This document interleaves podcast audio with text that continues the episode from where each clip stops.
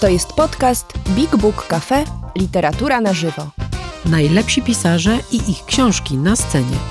Ważne premiery, wyjątkowi goście, zaskakujące tematy. Rozmowy, spektakle i słuchowiska. Prosto z literackiego pępka świata. Posłuchaj i sprawdź, co mamy w repertuarze. Wejdź na bigbookcafe.pl lub odwiedź nas osobiście.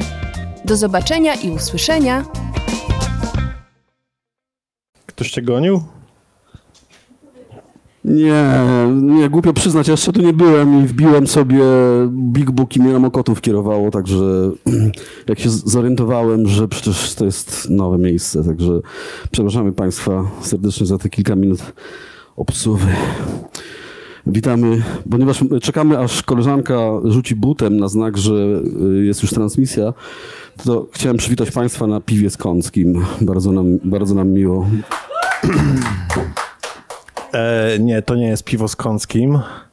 E, witamy na spotkaniu z Marcinem Kąckim, e, autorem książki Chłopcy. Mm. I wiesz co, miałem inaczej zacząć, ale twój kolega z Poznania, właściwie wychowanek, e, Piotrek Żytnicki, wrzucił właśnie newsa Prawo do broni, morderca z Poznania nasiąkał poglądami Janusza Korwin-Mikkego. Po pierwsze źle odmienił, bo ty uczysz, że odmienia się inaczej nazwisko, ale powiedz jak się mi- odmienia? Korwina, Korwina Mikkego.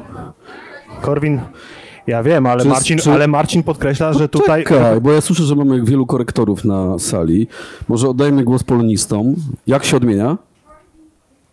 Korwin Mikkego.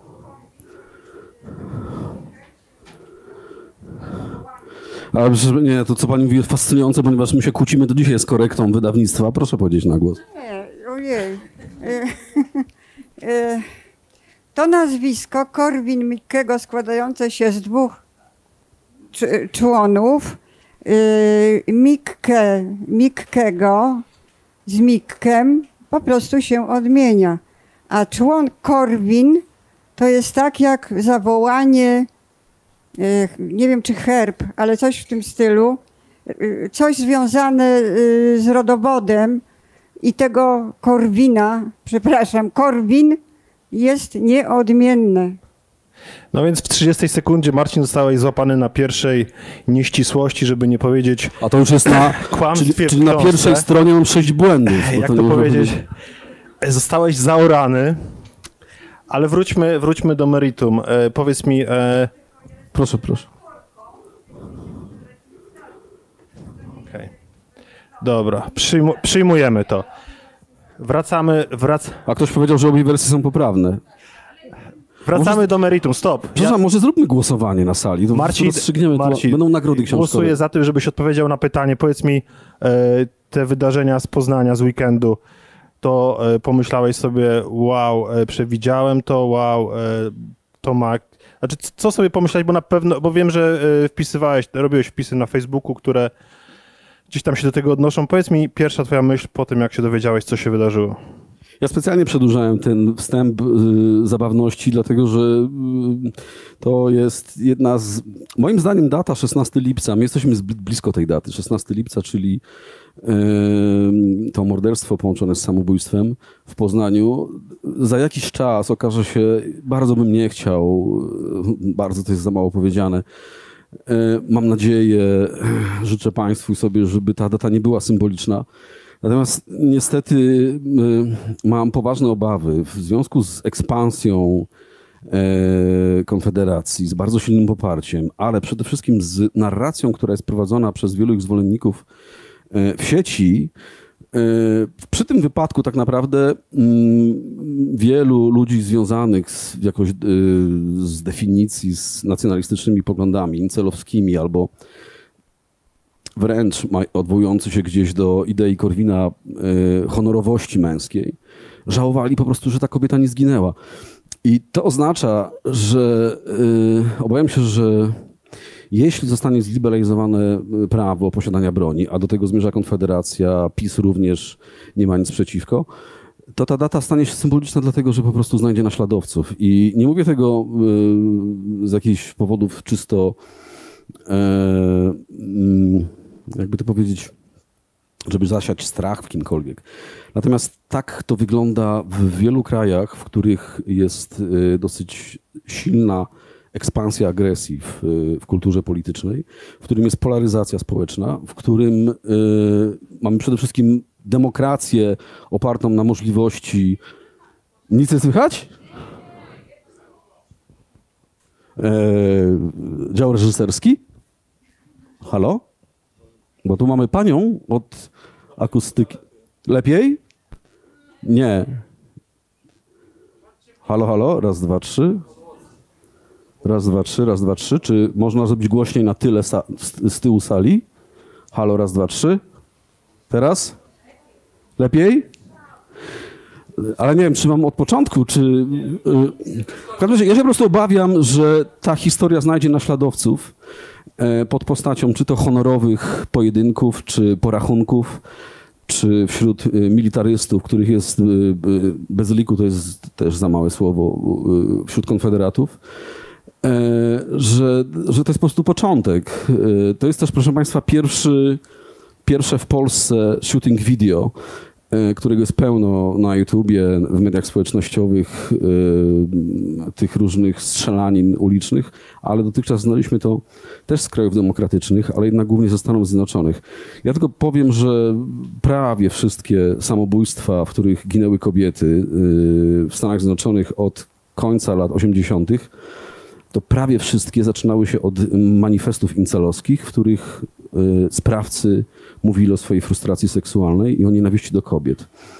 Y, W tym przypadku nie mamy takiego akurat charakteru, ale niewykluczone, że on zostanie, że ten przypadek 16 lipca zostanie zmitologizowany przez te e, struktury na potrzeby właśnie pewnego rozwoju, pewnego mitu, który pozwoli im jeszcze bardziej uwierzyć w swoją męskość, w tą istotę e, ekspansji e, w kontrze do wszelkich ruchów emancypacyjnych kobiet, feministycznych, mitu, środowisk trans, które chcą wyjść z opresji.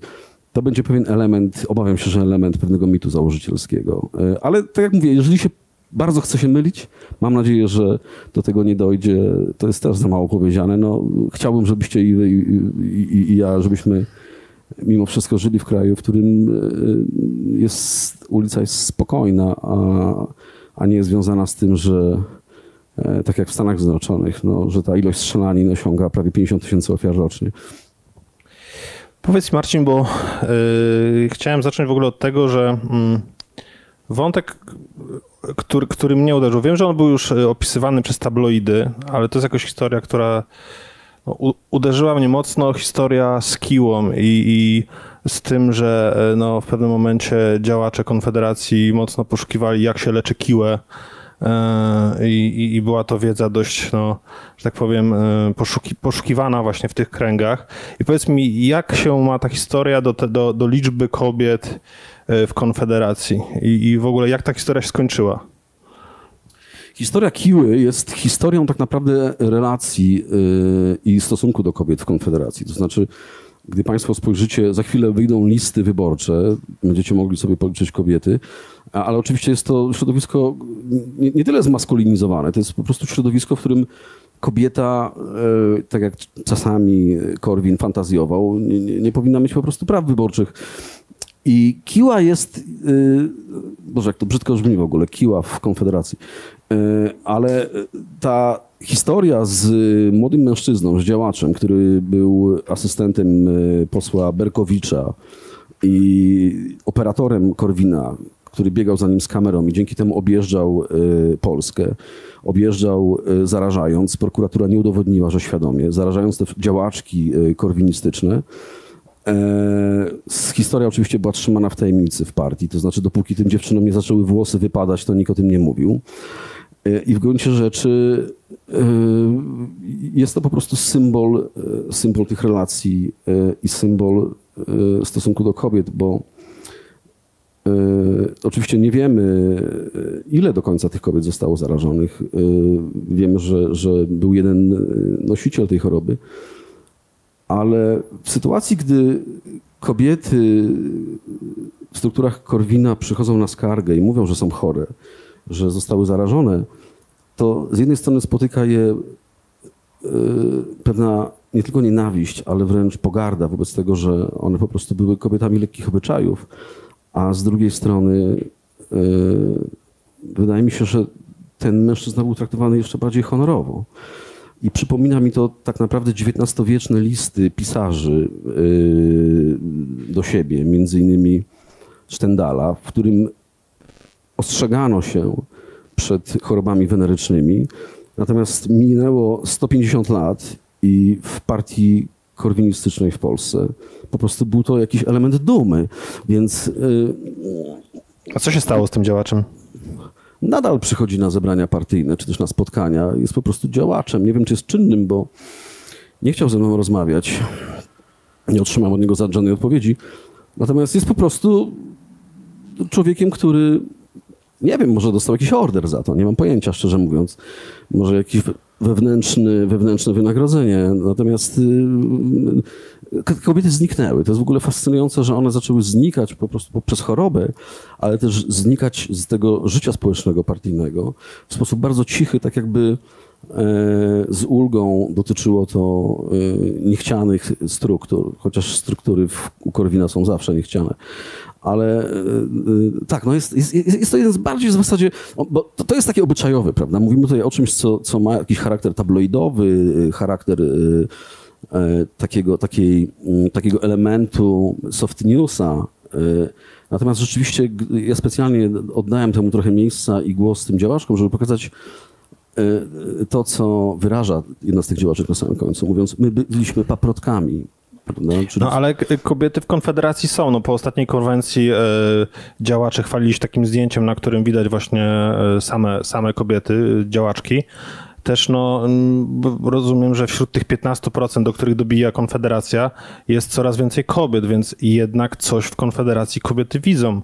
I, i rozumiem, że e, no nie jest to tak, jak ty przedstawiasz do końca, że po prostu to jest partia, która jest e, z... Ale proszę cię, Szymon. no, no powiedz mi, co, co kobiety mogą, co kobiety mogą nie jest widzieć, to tak, jak ja przedstawiam. co No kobiety, wiesz, wi- znaczy, co kobiety wiesz- widzą w Konfederacji? Wiesz, na czym polega kampania wyborcza? No, wyciąga się kobiety. Ja nie mam pojęcia, kim są te kobiety. Znaczy jedną, e, takie zdjęcie, które Ale widziałem... jeśli, nie, chodzi mi o to, żebyś powiedział widziałem- jako osoba, która gdzieś jednak e, poznała to środowisko i wie, co, czym jest ta partia, to jak sobie tłumaczysz chociażby właśnie wzrost poparcia, który no jednak musi się też w jakiś sposób, w jakimś stopniu opierać na kobietach? Nie, wzrost poparcia nie opiera się na kobietach. Kobiety idą tam za swoimi mężczyznami. E, To jest, mówimy o tej sferze e, pewnej mentalności, e, która jest zupełnie, znaczy stanowi po prostu trzon naszego społeczeństwa. To znaczy, wiesz, jeżeli my sobie rzeczywiście siedzimy i żyjemy w Warszawie, to nam się wydaje, że my mieszkamy między feministkami, które są wyzwolone, wyemancypowane, świadome swoich praw i niezależne finansowo. No przecież wiemy, że tak nie jest. No to jest jakiś promil kompletnie społeczeństwa. No to jest nasza bańka. Natomiast y, świat polski, w którym żyjemy, to są, to są kobiety, które nie mają możliwości żadnej realizacji finansowej, ponieważ są albo uwikłane w pewne związki, które im nie dają tego, albo w jakieś formuły y, życia małomiasteczkowego czy wiejskiego, w których jest to dobrze widziane, żeby się y, samemu realizować, albo właśnie w y, taką strukturę już kompletnie odjechaną, jak, jak y, nie wiem, wiesz, są kobiety u Brauna, no, to znaczy to, że są kobiety u Grzegorza Brauna, to, to znaczy, że a mówimy o facecie, który chce teokracji w Polsce, tak? Żeby na tronie zasiadała Matka Boska ze swoim synem, albo żeby oddać w ogóle Polskę, bo jest coś takiego, to się nazywa Konfederacja Giczwałcka. E, Ci z Państwa, którzy czytali książkę, to wiedzą. Ja tam to próbowałem wy, wyjaśnić, e, chociaż nie jest to proste. Polecam sobie zgooglować Konfederację Giczwałską i przeczytać. Jest to jeden z najbardziej tajemniczych zapisów oddających w sposób bezwzględny styl i mentalność Grzegorza Brauna, e, czyli taka zawiłość na poziomie wręcz e, happeningowym. E, Ale jak przeczytałem to któryś raz, to jedyne co zrozumiałem, że Polskę trzeba w sposób administracyjny i prawny oddać we władanie Jezusowi Chrystusowi. Tylko, że nie zrozumiałem do końca, czy jak Chrystus przyjdzie, to nie pójdą do niego na staż, czy tam po prostu się zatrudnią. To jest też zawiłe. E, Ale jeżeli ktoś pisze coś takiego i kobieta tam idzie, wiedząc, że on jest strażnikiem dogmatu, a dogmat opiera się między innymi na tym, że w, e, w chacie siedzi facet, jak guru, nie wiem, w białej sukni, sutannie i jest takim, wiesz, mędrcem, a kobieta jest po prostu istotą pozbawioną kompletnie intelektu, no to wydaje mi się, że musimy mówić o zjawisku opartym na jakiejś kompletnej uległości i wręcz y, no, mentalnym zniewoleniu, no bo, bo jak to możemy inaczej wytłumaczyć w 2023 roku, tak? Y, Więc dlatego jest tak wielki kontrrewolucyjny ruch incelowski. On się właśnie z tego bierze. On się bierze z utraty pewnego świata, z resentymentu. Tylko nie wiem, czy nie przeskakuje do kolejnego już. Przeskakujesz. y, Wiesz co, zacznijmy. Powiedz mi, jak w ogóle y, powstawała ta książka, bo mm, wiem, żalili się y, działacze gdzieś pod, pod wpisem, gdzie tam poprosiłem o, opinię. Działacze, z, którymi chyba rozmawiałeś, żalili się, że za, miał, miała być biografia Korwina Mikkego i że jak z tą rozmawiali, to myśleli, że rozmawiałem do y, biografii Korwina Mikkego. Powiedz mi, jak, jak w ogóle docierałeś do tych ludzi, jak zdobywałeś ich zaufanie, jak y, to poko- czy, czy to było, wiesz, na- jak to... Ja, ja właśnie nie lubię tego sformułowania zdobywać zaufanie, dlatego że to się wiąże z jakąś, kojarzy mi się z jakąś transakcją albo z jakimś, wiesz, takim postępowaniem śledczym. E, ja po prostu byłem z nimi szczery. E, nie wiem, co znaczy biografia Korwina. E, słuchaj, De facto jest to biografia No jest, e, no, Korwina, tylko roz, rozbudowana o wątki poboczne. Tak, kawał książki jest przecież o Korwinie z różnymi e, społecznymi kontekstami. Ja po prostu przychodzę, ja tak, zawsze tak piszę książki, ja w ogóle zawsze tak pracuję. Ja przychodzę do ludzi, mówię kim jestem, tu już niewiele trzeba, wystarczy sobie zgooglować. E, chyba tylko raz była taka historia, to jest pani z Białego Stoku. E, to była, tak, to była historia, gdzie, gdzie nie powiedziałem, że jestem z Wyborczej, tylko powiedziałem, że jestem z wydawnictwa Czarne. No co ona tak czujnie spojrzała i powiedziała czarne, jak można nazwać tak wydawnictwo. Tym bardziej, bo to była patomorfolożka z Białego Stoku, która miała dwa mikroskopy połączone różańcem, badała wycinki żołądka, ale też znalazła serce Jezusowe w stanie agonalnym w, hostii, w kościele. Więc ja zdałem sobie sprawę, jak zobaczyłem tę scenografię, że ja nie mogę powiedzieć, że jestem z Wyborczej, prawda? A jak zobaczyłem dwa mikroskopy elektronowe połączone różańcem, to pomyślałem sobie, że ja tu muszę ze dwie godziny co najmniej zostać, bo to przecież jest studium przypadku, które jest tak fascynujące, że właśnie powiedziałem, że jestem szczarny, ale to też jej się nie spodobało. Ale poza tym, jak zawsze się przedstawiam i ktoś ma czas, to przeżywią mnie wszystko, prawda? W, necie, w necie jest więcej o mnie niż ja sam o sobie wiem, szczerze mówiąc. E, więc ja po prostu, wiesz, przychodzisz, nie wiem, do Artura Dziambora, do Janusza Korwina-Mikke, do działaczy, do Mencena i mówię, że piszę książkę. Zresztą, wiesz, oni po, już po miesiącu wiedzieli, że piszę książkę, mimo że to było trzy lata temu. Dlatego, że jak usłyszeli, że ktoś pisze książkę i że to nie jest z ich świata człowiek, uwaga, nie jest z ich świata, czyli można mu zaufać, bo nie sypnie u nas, ani nie będzie robił intryg, e, to oni się sami zaczęli do mnie zgłaszać. E, I przychodzili, dzwonili, pisali, że mieliby to, tamto, o wamto, o innej historii. Bo tutaj było- wiele osób y, podważało wiarygodność książki ciebie, że człowiek z Gazety Wyborczej idzie do y, Korwina Mikkego, Mencena albo kogoś innego z Konfederacji i przecież y, nikt Nie, takiego no nie wiadomo, zau- no wiarygodna książka byłaby wtedy, gdyby rzecznik prasowy Korwina. Ale to poszedł do wytłu- Korwina. wytłumacz ludziom, jak właśnie pracuje dziennikarz, jak, y, jak takie rozmowy y, wyglądały i że zazwyczaj ci ludzie bardzo chętnie... Komu roz- to wytłumaczyć? y, Tym, którzy nas słuchają, bo naprawdę... Marcin, nie proszę to- cię, to, Szymon. Znaczy, nie no... No, no, Proszę Państwa, gdzie jest kamera? Kochani korwiniści i konfederaci, yy, życzę Wam, żebyście kiedyś przeczytali prawdę o Korwinie napisaną przez rzecznika prasowego Korwina. Zwłaszcza po stuprocentowej autoryzacji. Mam nadzieję, że wówczas nabierzecie niezwykle krytycznego myślenia i postrzegania rzeczywistości korwinistycznej. E, I myślę, że to będzie na też pewnym studium za- samozadowolenia, które będzie oznaką na przykład tego, że po prostu zaczynacie ufać w końcu. I to też nie będzie spiskowe przecież, prawda? A, a o tym, że, a o tym, że e, z gazetą, że to, że byłeś z Gazety Wyborczej, e, to w ogóle nie powinno, i że z tobą rozmawiali, w ogóle nie powinno nikogo dziwić. A czy ja sobie przypominam czasy, kiedy o, 15 lat temu wspólnie gdzieś tam w tym samym czasie opisywaliśmy kulisy samoobrony i też pamiętam, Prawda, że ci bo. Szymek Wyborczej biegał ze mną za seksaferą w samoobronie i to, Tak, to już 15 Mar- lat. Marcin, Marcin mnie szkolił. 15 lat temu. I to też było tak, że wszyscy się dziwili, że e, działacze samoobrony rozmawiają z nami, ale z tego co pamiętam, e, właśnie chciałem... poczekaj, to może minęło tyle czasu, możemy powiedzieć. Proszę Państwa, naszym, y, jednym z naszych źródeł w samoobronie był jeden z najbliższych ludzi Andrzeja Lepera. Nie zdradzaj źródeł, pamiętaj. Był jeden z najbliższych ludzi Andrzeja Lepera. Dlaczego? Dlatego, że na tym się opiera polityka. To znaczy... e, No Właśnie chciałem, żebyś porównał e, sam, samoobronę z tamtego okresu, która też była partią gdzieś tam buntu, która też szła e, do władzy i doszła do tej władzy, E, I jak pamiętamy właśnie, że to była partia, która była wewnętrznie po prostu jak takie kłębowisko, gdzie wszyscy nadawali na siebie, gdzie tam po prostu nie było... Ja to powiem do kamery, poczekaj, bo ty będziesz co jakiś czas... I żebyś porównał to e, z obecną konfederacją, którą poznałeś. Kochani konfederaci, na, jeżeli pytacie, kto był moim źródłem, wy byliście moim źródłem. Po prostu.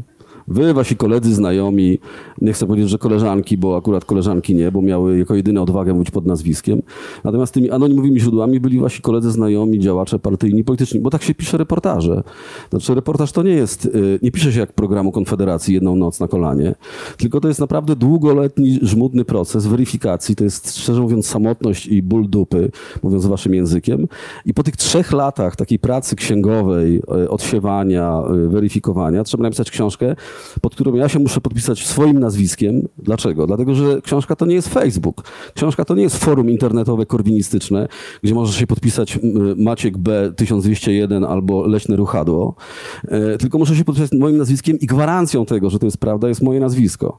A jeśli mi nie wierzycie, to zadzwońcie do któregokolwiek z działaczy i zapytajcie, co w tej książce jest nieprawdziwe.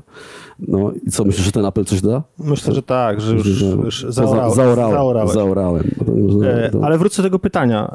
Mija 15 lat i, i, i, porównaj, spróbuj porównać, czy widzisz jakieś podobieństwa między tymi partiami. A może to jest zupełnie inny model, Na, zupełnie... pozi- na poziomie populizmu. Y, Natomiast partia, y, samoobrona była bardziej partią rzeczywiście protestu. Ona miała i i wyrosła z pewnego protestu, który był protestem materialnym. Na przykład obniżenie cen, y, podwyższenie cen skupu żywca, albo obniżenie coś zaharczało, albo obniżenie tak zwanych kwot mlecznych. Dzisiaj już rzecz y, y, historyczna. Mm, Obawy przed akces, akcesją do Unii Europejskiej, prawda? Y, Czyli obawa o materialny byt, ale też oddłużenie po czasach PRL-u. I to była partia protestu materialnego. Natomiast y, korwiniści są jednak w dużej mierze partią protestu mentalnego y, i kulturowego, związanego z wojnami kulturowymi, które się odbywają. Naprawdę emancypacja kobiet i przemiany związane chociażby z, ze strukturą rodziny, tak, że ta tradycyjna rodzina zaczyna e, przechodzić w kierunku atomizacji jednak społecznej, to jest y, utrata pewnego bezpieczeństwa i pewnego świata, który był oswojony. E, I oczywiście mamy też, też mamy protest materialny, to, jest, to są średni i drobni y, przedsiębiorcy, e, którzy zostali osieroceni przez Platformę Obywatelską i przez cały ten trzon nawet Kongresu Liberalno-Demokratycznego, który był elementem liberalizmu partii e, Tuska. E, I oni nie mają dzisiaj swoich reprezentantów w polityce. To jest strasznie ważne. To znaczy Platforma ścigając się z PiSem na, na postulaty socjalne, słusznie lub nie, e, próbując albo Tusk, Donald Tusk, który teraz zaczyna się też, zaczyna wchodzić w tą e, nie do końca jasną, bardzo mglistą retorykę związaną z polityką migracyjną, to jest oczywiście e, jakiś zupełnie desperacka próba e, zdobycia, czy też wyrwania nawet Konfederacji. Ale ci drobni, średni przedsiębiorcy, jak się z nimi rozmawia, to są dławieni podatkami, y, socjalami, to są cytaty z nich, kontrolami skarbowymi dzisiaj, y, przyduszeni wcześniej pandemią, inflacją i wojną z Ukrainą, czyli spadkiem konsumpcji. I to jest, y, to jest kilka milionów ludzi w Polsce. I, ich rzecz, jak wychodzi Mencen i mówi, e, że ja wam obniżę podatki, ja zlikwiduję ZUS, e, ja spowoduję, że kontrola skarbowa w zasadzie zniknie, bo nie będzie czego kontrolować, skoro będzie tylko, nie wiem, na przykład PIT 12%, no to on w gruncie rzeczy mówimy, ja wam pozwolę lepiej żyć, ja wam pozwolę znowu żyć tak jak wcześniej. Nie słyszycie państwo? A teraz? A nie harczy? O, mi się wydaje, że harczy. Powtórzyć ostatnie 15 minut? Nie, nie trzeba. Yy, więc ma, mamy partię też protestu materialnego, ale jednak ta, ta, ta, tam są, mamy ten incelizm, prawda? Czyli mężczyzn młodych protestujących przeciwko, przeciwko rewolucjom kobiet. Mamy tą y, gospodarczą część, y, którzy są osieroceni po platformie. Y, mamy ten nabilny elektorat, ale mamy też młodych. Polecam Państwu badanie, znaleźć sobie w sieci, nazywa się to Debiutanci 23. To jest o 18-latkach, którzy będą po raz pierwszy głosować i fascynujące są ich poglądy. To znaczy, to są na przykład poglądy ludzi, którzy po raz prawdopodobnie, chociaż nie jestem przekonany, czy dobrze to doczytałem, ale niewykluczone, że po raz pierwszy po II wojnie światowej pojawiła się znów młoda grupa generacyjna, która na pierwszych trzech miejscach wymienia rodzinę, miłość i spokój.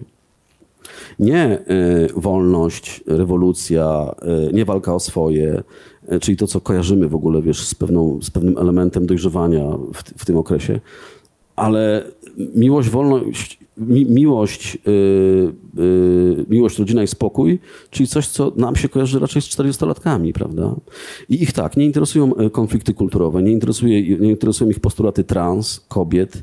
E, oni mają to już po prostu oswojone i to nie, jest, to nie są dla nich e, elementy protestu. I oni w prawie w 40% chcą głosować na Konfederację. Dlaczego? Dlatego, że Konfederacja daje im, zapewnia im pewien poziom bytu związanego z czymś, co Ayn Rand, jedna z filozofek korwinizmu, określiła jako racjonalny egoizm.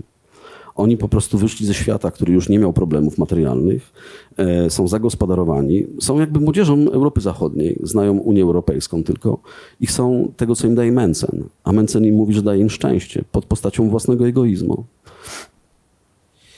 Mówiłeś, że twoimi źródłami byli konfederaci. E, miałeś już, masz już odzew? Podobała im się ta książka? E, czytali? W jakiś sposób masz jakieś reakcje? Bardzo mi się podobała. Bardzo mi się podobała, aczkolwiek strasznie się bałem, że Korwin gdzieś napisze, że tą książkę poleca. E, bo on jest zdolny, do, jak czy wiecie on państwo, czy- on jest zdolny do wszystkiego. On więc, czytał? To chyba tak, bo wysłałem z autograf, znaczy z dedykacją. Dla kolegi Janusza? Nie, chyba tam napisałem e, najbardziej królewskiej parze w Polsce.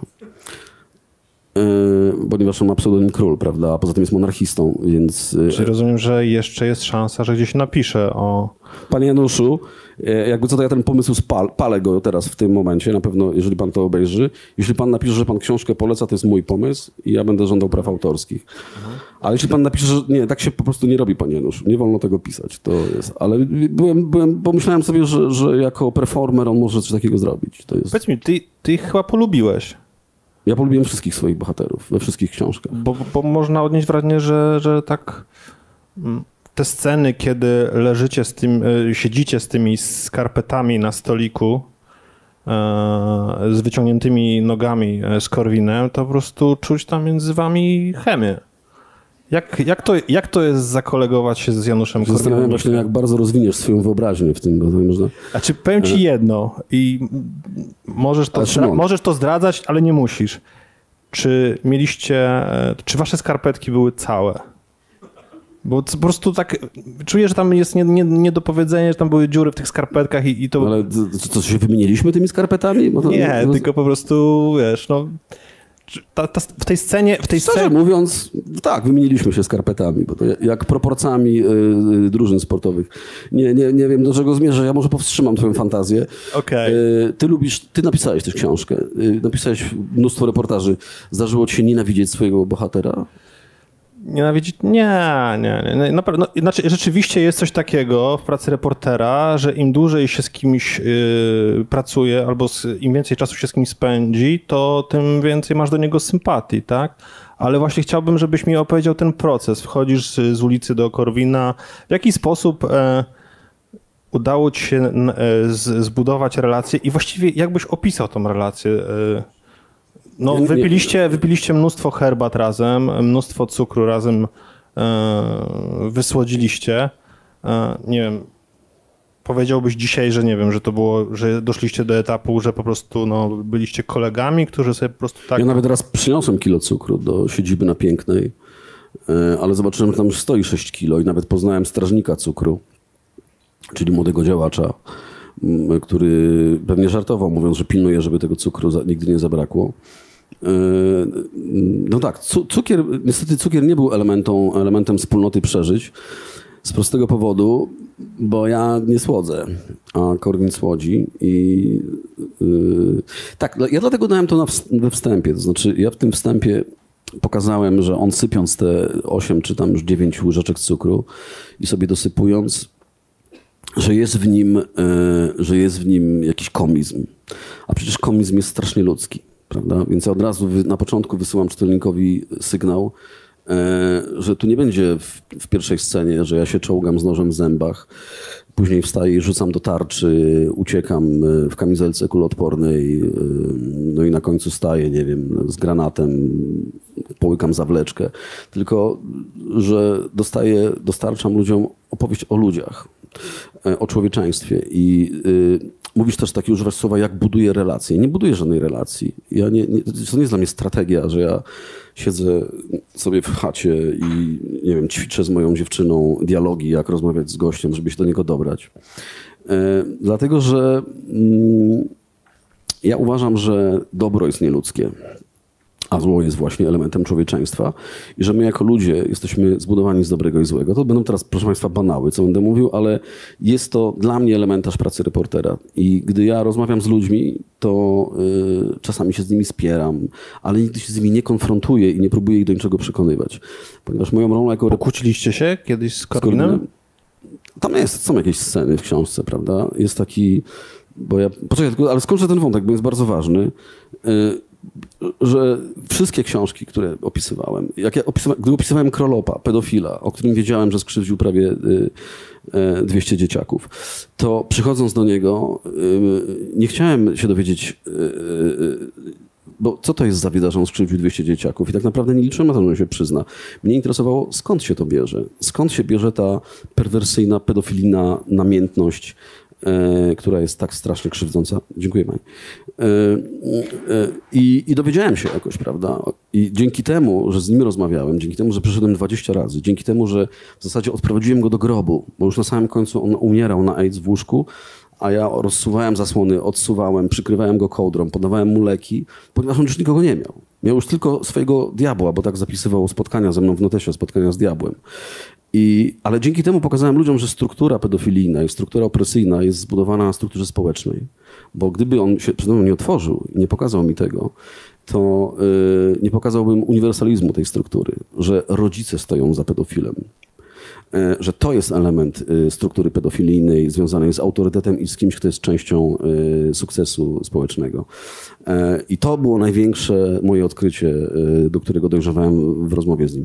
I to samo jest z tymi bohaterami. Przecież korwiniści są po prostu to są nasi sąsiedzi, współobywatele, mężczyźni najczęściej, u których gdzieś po drodze w życiu E, przecież my mogli, co, co, takiego nas różni od nich? Na przykład to, Szymon, że moglibyśmy tak naprawdę dzisiaj we dwóch siedzieć na spotkaniu korwinistycznym, ty byłbyś rzecznikiem prasowym, a ja byłbym wiceprezesem, przepraszam cię, że tak graduję. No dobra, niech będzie na odwrót, bo widzę w twoją minę. Ja byłbym rzecznikiem, a ty wiceprezesem. E, I ja jako rzecznik prasowy pytałbym ciebie, e, panie Szymonie, wyszła właśnie książka napisana przez niejakiego dziennikarza wyborczej Sławka Mencena, Przyznam, że dziwne nazwisko, prawda, jak na Polaka, e, panie prezesie. E, jakby pan skomentował e, fragmenty w tej książce, oczywiście nieprawdziwe, tam tylko prawdziwa jest okładka, a z tyłu, sceną, jakby pan skomentował i odparł zarzuty? Dlaczego my nie jesteśmy na ich miejscu? Bo coś po drodze gdzieś w naszym życiu się wydarzyło, ktoś gdzieś nas skierował, ktoś nas puścił inną drogą, ktoś dał nam jakąś książkę. Może mieliśmy e, rodzica jednego lub dwoje, którzy byli mądrzy, otwarci i coś przeżyli. Może to była bibliotekarka, może e, siostra ojca, może dziewczyna w liceum. W moim przypadku olbrzymią zasługą tego, że ja jestem dzisiaj w pewnym miejscu, to są na przykład dziewczyny z liceum, które były z fajnych domów, miały kupę książek. U mnie była Biblia i e, Atlas. Zresztą Atlas, z którego wyciąłem wszystkie flagi na kapsle oczywiście. E, I gdyby nie te dziewczyny z tych fantastycznych, inteligenckich domów i nie książki, które by mi podrzucały, nie, nie wiem, siostra mojego ojca, która, e, która miała też full książek, to ja bym tam dalej stał i prawdopodobnie żartem słonecznik go łupał, prawda? Tak jak moi koledzy, którzy tam zostali.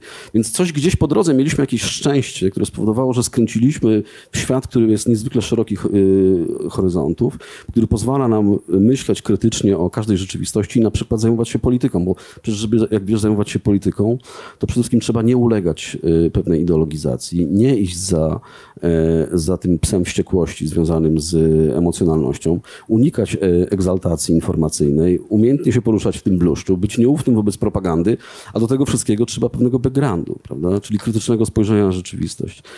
E, na jednym oddechu to powiedziałem, w ogóle zobacz. Mi, bo Korwin Mikke w twojej książce jest tak naprawdę Znaczy, bywa takim... Przecież ja nie skończyłem tego wątku, przepraszam bardzo. Ale ja już się Chodzi tutaj... o to, że ci, te, te chłopaki z, y, od korwinistów też gdzieś po drodze mieli jakąś drogę, ale weszli w, jeden, w jedną lub w drugą uliczkę.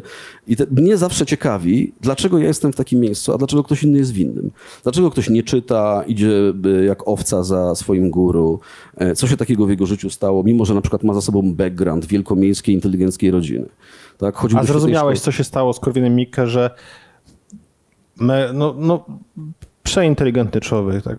Też można powiedzieć w twojej książce e, dość sympatyczny, bo rozmawiacie sobie, do, dobrze się widać, ze sobą czujecie, rozmawiacie. Tylko raz na jakiś czas odpala się, tak? I te odpały ty pokazujesz, że to jest... Właśnie ja nie, jak, jakbyś mi to o, e, wyjaśnił, bo trochę y, y, rozumiem, co napisałeś, ale trochę nie, nie zrozumiałem tego motywu. Czy to jest jego, to jest cynizm, czy to jest jego narcyzm, czy jak, jak ty to tłumaczysz? Że Ja on, zostawiam- ja że on musi z tą pedofilią, Tak, czy, czy z tak, innym tak, jakimś tak. wynalazkiem wyskoczyć? Z I ja to zostawiam, protokół 1%, tak? zostawiam to w niedopowiedzeniach. I ja specjalnie, Właśnie, a ja, zauważ, że ja tej książce, docisnąć, żebyś jednak coś no ale to musiałbym tutaj... zdradzić wtedy książkę, prawda? A tam stoi przecież 400 sztuk do kupienia, stary, no proszę cię. E, więc żeby e, dojść do momentu, w którym Korwin, bo ja powiem ci, jak ja sobie wyobrażam Korwina w takiej idei, która jest niezwykle pociągająca i wolnościowa i jest prawdziwie wolnościowa. Wyobrażam go sobie jako 80-letniego faceta z długimi włosami, z tą brodą i z wąsami, e, w, w ramonesce, e, w długich takich buciorach, który jeździ Harley'em po Warszawie. E, Ma e, flagę tęczową z tyłu w, w tym Harley'u i jest po prostu liderem Beat Generation, ale takiego naprawdę wolnościowego i robi to, co robi, bez języka faszystowsko-mizoginistyczno-antysemickiego, ale na przykład przebija bańki społeczne. Nie zgadza się z żadną bańką. Jest pod prąd lewicowej, prawicowej, innej. Pokazujesz, że w Wiesz- czasach y, komuny coś takie, ta, ta, taką, taką miał trochę rolę. Miał taką był, rolę, tak. był wbrew wszystkim, Do, tak? lat, do, do, do, do końca lat 80. taką rolę odgrywał. To znaczy, on był po prostu uważany za frika, za takiego trickstera. Za gościa, który przychodzi na spotkania, y, w którym rozmawia się o tym, skąd wziąć papier toaletowy i który krzyczy, że trzeba zlikwidować podatki. A ludzie się zastanawiają, co to są podatki. Nie? Przecież nikt nie płacił podatków, bo nie było sfery prywatnej. Więc on już wtedy był w tym frikiem. On już wtedy głosił pewne poglądy e, które były e, dla wielu dogmatyczne i kompletnie nie, nie. On potrafił jechać do stoczni e, na protest i wręczać związkowcom swoją broszurę, w którym tytuł brzmiał Związkowcy do pasożyty. I oni go wynieśli z tej stoczni. Nie? Po prostu go wynieśli, przerzucili go przez płot i zostawili tylko jego wujka, który ze strachu po prostu tam przechodził przez tą stocznię, udawał, że go nie ma. Powiedział, że przywiózł swojego wariata y, y, bratanka. Y, więc y, wiesz, ta, ta jego niezłomność y, i absolutnie chodzenie pod prąd jest od samego początku. On się kłócił z ojcem do tego stopnia, że jego stary, nie mogąc tego wytrzymać, co on mówi, po prostu nagrywał to magnetofon. To jest w latach 60. Prawdopodobnie, jak sądzi siostra, żeby mieć z tego pamiątkę. Albo żeby później mu wypominać, że się mylił. Nie wiemy tego, możemy spekulować. A może po prostu lubił głos swojego syna, no niech będzie też taka wersja. W każdym razie y, siostra do dzisiaj żałuje, że tego nigdy nie odsłuchała, ale jak znalazła te taśmy, to mu wręczyła. Więc Korwin-Mikke zawsze był konfrontacyjny. Zawsze szukał pola sporu, szukał y, miejsca, w którym może wejść w niszę, w której może poruszać się ze swoim protestem i mieć swoje zdanie. Był nieprawdopodobnie oczytany i jest y, nieprawdopodobnie oczytany. Do tego stopnia, że jak opowiadała siostra, to co macie Państwo w książce, ten długi monolog siostry, że on po prostu wracał do domu z pobijanym ryjem, mówiąc brzydko, czy też twarzą, bo po prostu chodząc z tą, z tą książką walił po słupach. Y, I, I to nie są anegdoty. Siostra mówi, tak po prostu było. On przychodził, ponieważ znowu gdzieś walnął głową, y, bo zaczytał się w książce idąc. Tak jak dzisiaj ludzie idą z telefonami, to on tak chodził z książkami po ulicach. I on musiał to wszystko przeczytać, musiał mieć wszystko obcykane, musiał rozumieć świat. Czyli gdzieś na samym początku mamy konstrukt człowieka, który chce zrozumieć mechanizmy społeczne, y, filozoficzne, y, socjologiczne, bo on się interesował wszystkim. I w pewnym momencie no i tak, no i w pewnym momencie odbija. Nie? Odbija. Pisze, jeden z pierwszych artykułów to jest narkomani muszą wymrzeć. To są lata 70. E, kobiety nadają się tylko do kuchni. I proszę zauważyć, że on jest 55 lat, głosi dokładnie to samo. To jest Powiedz mi, e, on ma wnuczkę, która jest e, lesbijką. Czy jej przy Wigilii też mówi, że jest dewiantką? Czy to tak jakoś sobie tłumaczy w głowie, że e, moja lesbijka jest dobra, a nie... No, jak, jak, jak sobie e, Nie, wkłada on- w głowie takie rzeczy? Nie, on po prostu uznał, że ona udaje, że jest lesbijką. Że ona się zachowuje jak lesbijka. Ona się zachowuje jak lesbijka. Ja go zapytałem, jak się zachowuje lesbijka. I tam jest w książce, macie Państwo wykład mały, jak się zachowuje lesbijka. Jest to oczywiście teoria korwinistyczna. On w to wierzy, czy myśli, że to jest jakaś jego poza? Słuchaj, nie jestem psychiatrą, nie mam pojęcia. Natomiast wydaje mi się, że... Ale e, lubisz psychologizować. Ja? No spróbuj, no spróbuj, no. A ty nie lubisz? Spróbuj. To jest jeden z elementów naszego No warsztatu. spróbuj, no. Niestety, niestety chciałem powiedzieć, całe szczęście, że nie możemy wnikać do umysłów naszych rozmówców. Chociaż ciekawe, jak będzie wyglądało dziennikarstwo za 200 lat na przykład. Wiesz, dostajesz licencję dziennikarską, ale musisz zdać egzaminy, żeby dostać instrument do wnikania w, cudze umysły. E, Ale spróbuj, no, e, poznałeś człowieka, który fascynuje i jestem ciekawy, czy on wierzy w to, co mówi, czy po prostu mówi to, bo wie, że... Panie Januszu, ja mam prośbę, jak pan obejrzy ten film, to będzie na YouTubie, na Facebooku. E, Tutaj jest, widzę, gorąca prośba, jakby pan mógł napisać, e, czy pan w komentarzu, czy pan wierzy, że wnuczka jest lesbijką, czy pan to wyparł, czy jest to w sferze lęku przed na przykład odbiorem ze strony wyborców. No bo jednak gdybym był korwinistą i konfederatem i głosował, to wolałbym, żeby Korwin nie miał wnuczki lesbijki, bo to jednak może świadczyć o jakimś na przykład niezdrowym genotypie, prawda? W, w, wykonaniu y, kogoś, kto jest nie tylko mizoginem, ale i homofobem. Więc powiem szczerze, nie mam pojęcia. Zostawiam Państwu z odpowiedzią, z dialogiem, który jest w książce. To jest dosyć obszerne, gdzie ja to opisuję. I właśnie po to, żeby y, nie domykać czegoś, do czego nie mam instrumentów, to znaczy ani psychologicznych, ani psychiatrycznych, ani jakichkolwiek innych, a poza tym to jest niezwykle intymna historia rodzinna. I mam tu pewne opory, powiem Ci uczciwie, Szymek, mam pewne opory, że bez względu na to, czy mówimy o Korwinie, czy o kimkolwiek innym, to mam jakieś poczucie tego, że to jest jednak intymność też tej Ale nie dziewczyny. miałeś oporu, to- bo znalazłeś co najmniej dwa bardzo czułe punkty, przy których widać było w książce, że on e, no tak zareagował bardzo, no bardzo nerwowo, tak? Czyli to jest jednak... A skąd wiesz, że nie miałem oporów? Co ty się teraz psychologa bawisz? Oczywiście, że miałem opory. No to powiedz mi, e, bo ta historia z ojcem, no to okej, ale ta historia z nożem, e, nie miałeś oporów, żeby to opisywać i powiedz mi też, jak on zareagował, bo to, to chyba, mam poczucie, że to był moment w całej książce, kiedy go najbardziej wytrąciłeś gdzieś tam z, z, z jego świata. Miałem opory. Miałem, mam zawsze opory, żeby opisywać cudzą intymność związaną na przykład z, z rodziną, dlatego że często na to się nie ma wpływu. A tam, gdzie nie masz wpływu na swoje życie, to jednak y, ja jako wiesz, reporter muszę się liczyć z tym, że kogoś skrzywdzę niepotrzebnie i dlatego y, usilnie starałem się skontaktować z wnuczką. I dopiero tak naprawdę, y, i to były też rozmowy z, z wydawcami, którzy również mieli te same wątpliwości i prawnik nasz, Czy powinniśmy pisać o tym, że wnuczka jest lesbijką, nawet mimo tego, co on mówi o gejach, nawet tej pewnej hipokryzji, e, z którą tam e, często wyskakuje. E, I tak naprawdę n- na samym końcu produkcji tej książki e, wnuczka e, odpisała, że nie ma nic przeciwko temu fragmentowi, który jej wysłałem e, i dodała jeszcze, bo Korwin tam mówi, a poza tym ja udaję, że ona nie jest lesbijką, ona też udaje, że, że przede mną, że, że, że, że nie jest. Wnuczka dopisała i proszę sprostować to, co mówi dziadek. Nie jest prawdą, że on udaje ja, bo przedstawiłem mu swoją partnerkę na jednej z imprez rodzinnych. Także to sprostowanie się pojawiło w książce. E, Natomiast na pewno jest to dla niego, jako dla homofoba, rzecz trudna, no zgodzimy się, prawda? No, mm, przychodzi wnuczka, mówi, że jest lesbijką, a on jeden ze swoich w zasadzie postulatów, można powiedzieć, wyborczych oparł na tym, że twu lesby i twu geje, jak on to formułuje.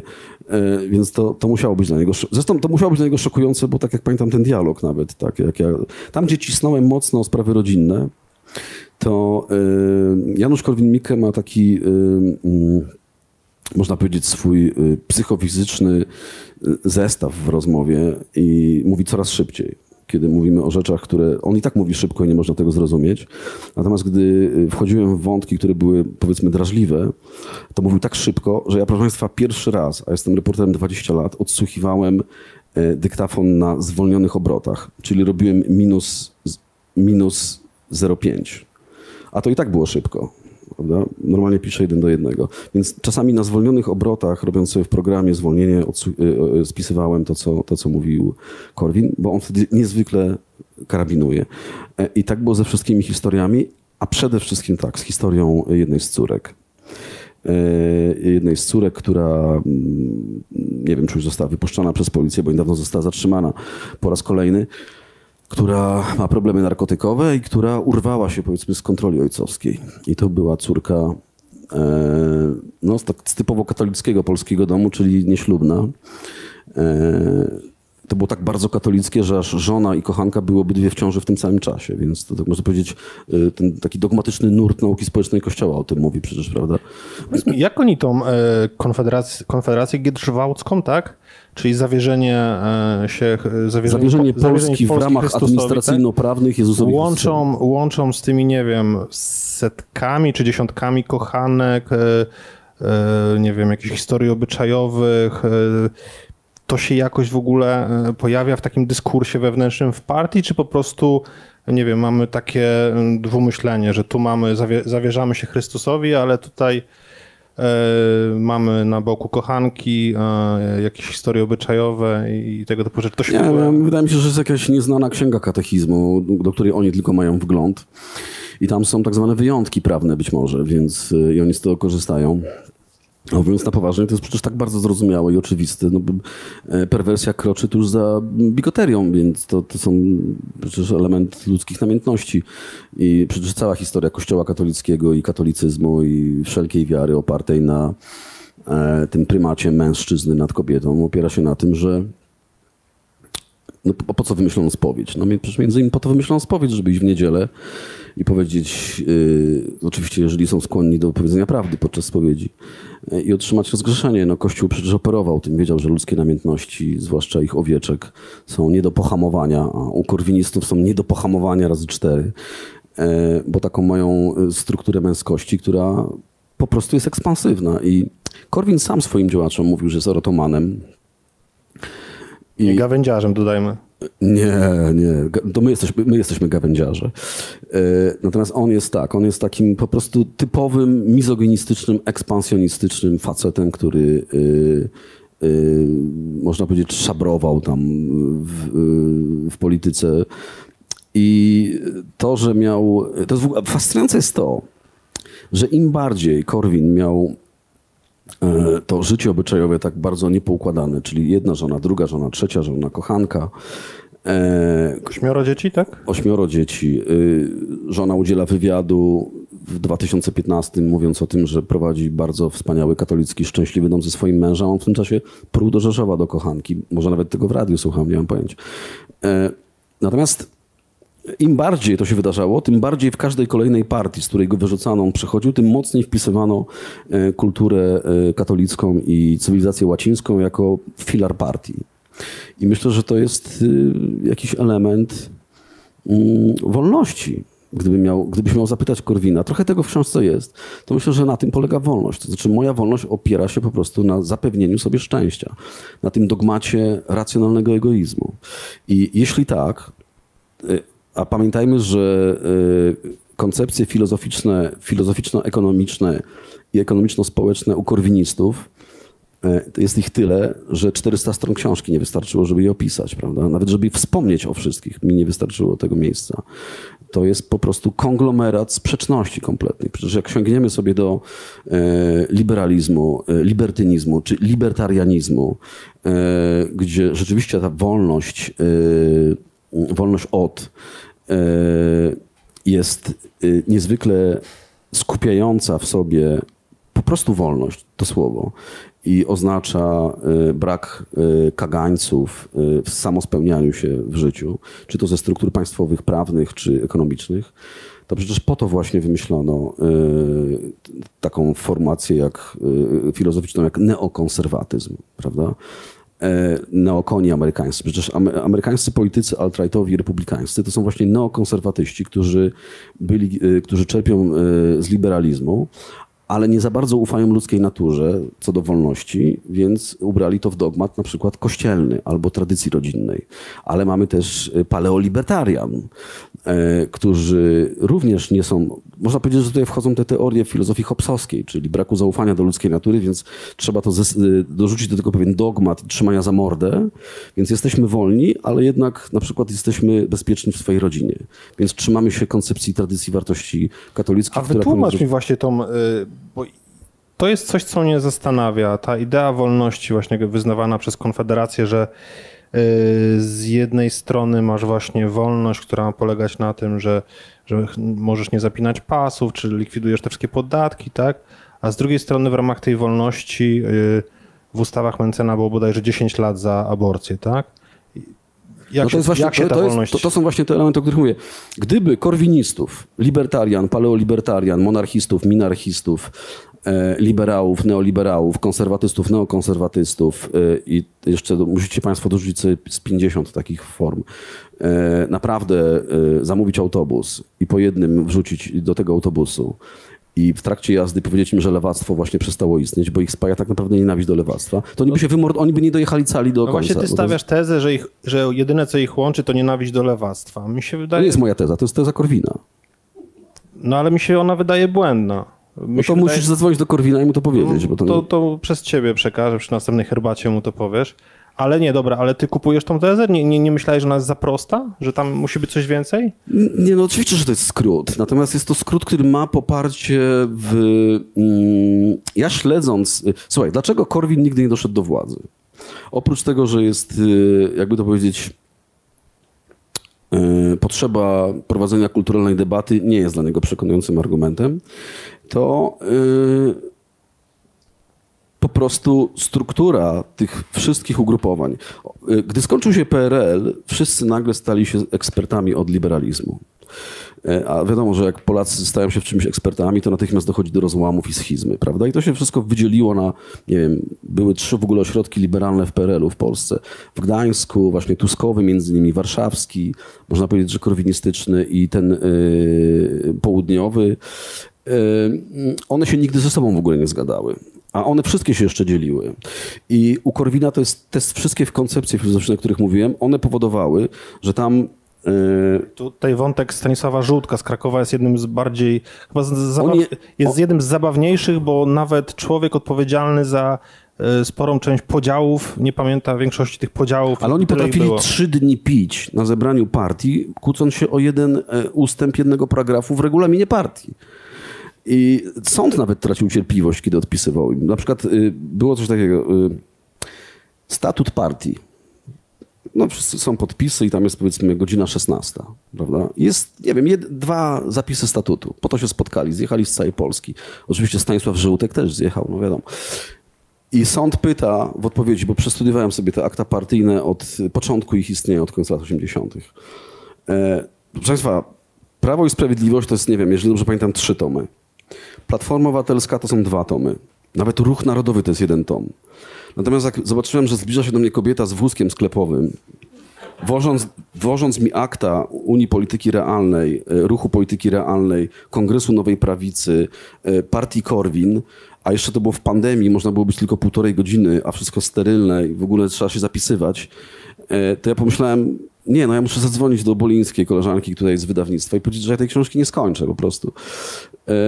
I jak ja zacząłem to wertować, to tam była korespondencja, skargi, zażalenia, donosy, e, intrygi. E, paleolibertarianin na libertarianina, na monarchistę, przez minarchistę e, do gościa, który w zasadzie e, no, o jednym z nich napisali, że ten facet się nie nadaje, ponieważ nie wyznaje koncepcji szlachetnego pochodzenia króla. E, I, i, i tego było 10 stron. I e, pomyślałem sobie, że fantastyczną zabawę i frajdę musiała mieć pani, e, która podpisywała się jako sekretarz sądowy, gdy to odbierała. Jestem przekonany, że mieli dla nich nie tylko półkę, ale specjalny pokój w ogóle na te akta. E, jakoś oznaczony i pewnie losowali w ogóle, kto tam wchodzi. Nie wiem, teraz fantazuję, ale to, to, dlaczego tak było? Właśnie dlatego, że niektórzy byli wolnościowi i wyznawali wolność, jako na przykład wolność do e, chociażby aborcji, ponieważ też tacy byli, e, a byli tacy, którzy uważali, że aborcja jest wymysłem szatana. Więc dla nich koncepcji, to jest u nich, znaczy ich inby były gorsze niż lewicowe inby na Facebooku. Znaczy, jeżeli, jeżeli y, y, w lewicowej inbie potrafią się kłócić przez trzy tygodnie o to, czy e, Olga Tokarczuk może nosić dredy, to oni o jeden punkt regulaminu kłócili się przez pół roku, prawda? Więc Postawię odważną tezę, że, obie, że spadek objętości akt tych e, partii, czyli po prostu gdy zaczęli produkować mniej e, akt, rozumiem, że notowania poszły w górę, bo ktoś to wziął za ryj i ogarnął, tak? Przyszedł Mencen, który nigdy podejrzewam nie sięgał do tych akt, ale pewnie zna to z opowieści. I jak, wyobraźmy, ponieważ książka w książce jest pełna metafor literackich, e, to wyobraźmy sobie, że ten samolot o nazwie Korwin leci.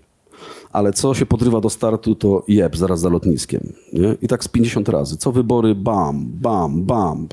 Tam wszystkie samoloty tam na pułapie 11 kilometrów, prawda, latają wokół sobie, lądują gdzie chcą. A ten, ten właśnie korwinistyczny, to co wystartuje? Pach, już za, za polem startowym. E, dlaczego? Dlatego, że nagle się na przykład okazywało, że pilota nie ma. Bo biorę te akta i czytam i nagle oni się orientują, że nie ma prezesa to dawaj prezesa. I naprawdę leci prezes ze Stanów Zjednoczonych. Y, leci kolega Boroń, no, turysta, po prostu chciał wpaść na chwilę do Polski, a oni mówią, e, chłopie, nie mamy prezesa, zostań prezesem. A on, no dobra, to w porządku. Akurat wybory idą, zostań prezesem. Ale były prezes, którego odwołali, wraca i mówi, zaraz, jak przecież ja jestem prezesem. Oni mówią, przecież cię odwołaliśmy. Nie? Proszę bardzo, to jest protokół, uwaga, konwentyklu, konwentykl. Konwentykl to było ciało wymyślone przez korwinistów na początku lat 90., to była grupa facetów o, o jakichś absolutnie niewyczerpanych skłonnościach alkoholowych, brydżystów. E, najlepsze konwentykle odbywały się u Stanisława Żółtka, u niego na chacie w Krakowie ale żeby tam przyjść, to trzeba było. Znaczy, jak ktoś miał raka płuc albo astmę, to nie mógł przychodzić, bo było obowiązkowe palenie. E, więc te konwentykle były podpisywane jako e, akceptujące pewnego prezesa, ale na przykład się okazywało, że w Warszawie w tym samym czasie spotkał się kontrkonwentykl i podpisywał innego prezesa. I zdarzało się, że partia miała dwóch prezesów, ale jeden z nich miał pieczątkę, a drugi miał papier firmowy. I teraz pytanie, i sąd na przykład odpowiada, który jest ważny sąd naprawdę musi się poważnie tym zająć i odpowiadał, czy ważny jest ten, co ma pieczątkę, czy ten, co ma papier firmowy. No to oni, że mój jest ważniejszy, bo jest na papierze firmowym, ale widać było, że tam już komornik wchodzi, więc ten toner coraz słabszy, ten papier firmowy już ledwo widać, prawda? Więc ten z pieczątką jeszcze mocniej ją przybija, że on jest ważniejszy. E, jeśli Państwo nie wierzycie, sięgnijcie do książki. Naprawdę tak wyglądała ta historia. I to jest trochę odpowiedź na Twoje pytanie, co zrobił Mencen? No przyszedł Mencen i powiedział, i leci, teraz startuje Mencen. Bo jesteśmy w tej chwili w momencie, gdy znowu startuje samolot korwinistów. Jest gdzieś w połowie pasia startowego w tej chwili, prawda? Co się dzieje z tyłu? No więc tak, nie ma alkoholu, bo jest tylko w kabinie i to jest piwo a na tyłach jest spokój. Wszyscy zapięci pasami. Niektórzy wciśnięci zostali związani kaftanami bezpieczeństwa. E, zwłaszcza jeden, no ale jak się okazuje nieskutecznie, bo jednak dalej twitter, twitteruje. E, Mencen co chwilę wydaje komunikaty, jakie będą kary za niesubordynację i brak dyscypliny. Może nawet po niemiecku, nie wiem jak to mówi. E, więc samolot za chwilę, to jest gdzieś z końcem sierpnia się poderwie, e, nabierze wysokości i moim zdaniem po raz pierwszy doleci. E, ty jako... Dyscyplina, ty... porządek, e, hierarchia, struktura, strach, a dla ludzi proste hasła, memy, populizm. Tak właśnie wygląda po raz pierwszy historia korwinizmu. Zniknie zupełnie to, co widziałem w sądzie. Prawdopodobnie nawet nie będą nic wysyłać. Nie będzie żadnej korespondencji, nie będzie żadnych skarg. jedna ze smutniejszych scen, jak przede wszystkim ty wychodzisz w pewnym momencie z roli reportera, i chciałeś się stać demiurgiem i chciałeś e, powstrzymać Mencena i chciałeś no, kolejną intrygę e, w tej partii, e, znaczy zrobiłeś kolejną intrygę, tylko ci nie udało, tak? Byłeś jak, jak ci panowie się. od konwentyklu. Dużo zabrakło, żebyś z, jako reporter Marcin Kąski zmienił losy Polski i e, uniemożliwił Mencenowi przejęcie władzy, bo Problem poza tym, czy jako reporter nie czułeś, że, znaczy yy, chciałbym zrozumieć, yy, co cię skłoniło do wyjścia z roli właśnie dziennikarza, reportera, pisarza, wejście w rolę właśnie uczestnika zdarzeń. Ja nie wiem, jakieś pobudki. o, o, nie, moje wewnętrzne łobuzerstwo. Łobuzerstwo. Tak, jednym z moich narzędzi pracy. To jest łobuzerstwo. Chciałeś mieć po prostu ciekawy kolejny rozdział. Chciałem sprawdzić, chciałem przekroczyć swoje granice instrumentów literackich. Tutaj, chciałem... Nie chcę za dużo zdradzać, bo oczywiście przeczytacie w książce, ale no, Ma Marcin postanowił yy, no, wpłynąć na, na wybór władz, tak? Tak, ja w zasadzie tylko nie zapisałem do tej partii. Chociaż niewiele brakowało raz, bo raz miałem taki zakład z Korwinem, że pewien gość, który jest autorem jego biografii, ponieważ nie mogłem go znaleźć, to założyłem się z nim, że jeśli znajdzie mi nazwisko i rzeczywiście ten facet istnieje, że to nie jest pseudonim, to ja się zapisuję do partii. Jezus Maria, całe szczęście, że pierwszy znalazłem tego człowieka, bo Korwin dostał nagle takiej determinacji, żeby go odnaleźć. że ja dzisiaj byłbym, rozmawiałbym z członkiem partii, bo ja bym się przecież musiał, żeby ho, honor, do którego Korwin przywiązuje wielką wagę, to musiał musiał zapisać. E, ale znalazłem tego człowieka, rzeczywiście istnieje, kurczę. I, e, I napisał tę biografię Korwina, to nawet była jego praca doktorska. E, no, przeszła ledwo, ledwo, bo tam zarzucano mu, że coś za bardzo lubi tego Korwina w tej pracy doktorskiej. On oczywiście był zdziwiony, że tak, taki zarzut mu postawiono, e, ale... Znaczy, jakie było pytanie? Już wiem. Ja, ja zapytam jak- inaczej. Czy Mencen ci wybaczył to, co zrobiłeś? Mencen? Czy on w ogóle, czy się dowiedział z książki, czy wiedział wcześniej? Ale o czym? No, że próbowałeś go pozbawić Że władzy. próbowałem podburzyć Korwina? Powiem ci dlaczego. Dlatego, że Korwin jest typowym y, przedstawicielem tego męskiego gatunku, który uważa, że on jest takim mistrzem, że jedynym uczniem dla niego może być tylko on sam. Więc nie szuka tych uczniów, nie szuka w tej sukcesji spadkobierców, a myślę, że też gardził wszystkimi po drodze intelektualnie. E, Korwin jest y, mentalnym szachistą. On uwielbia gierki słowne, anegdoty, mm, zresztą to chyba wszyscy, wszyscy wiemy. I nie namaścił nikogo. Myślę, że dlatego, że po pierwsze nie znalazł nikogo.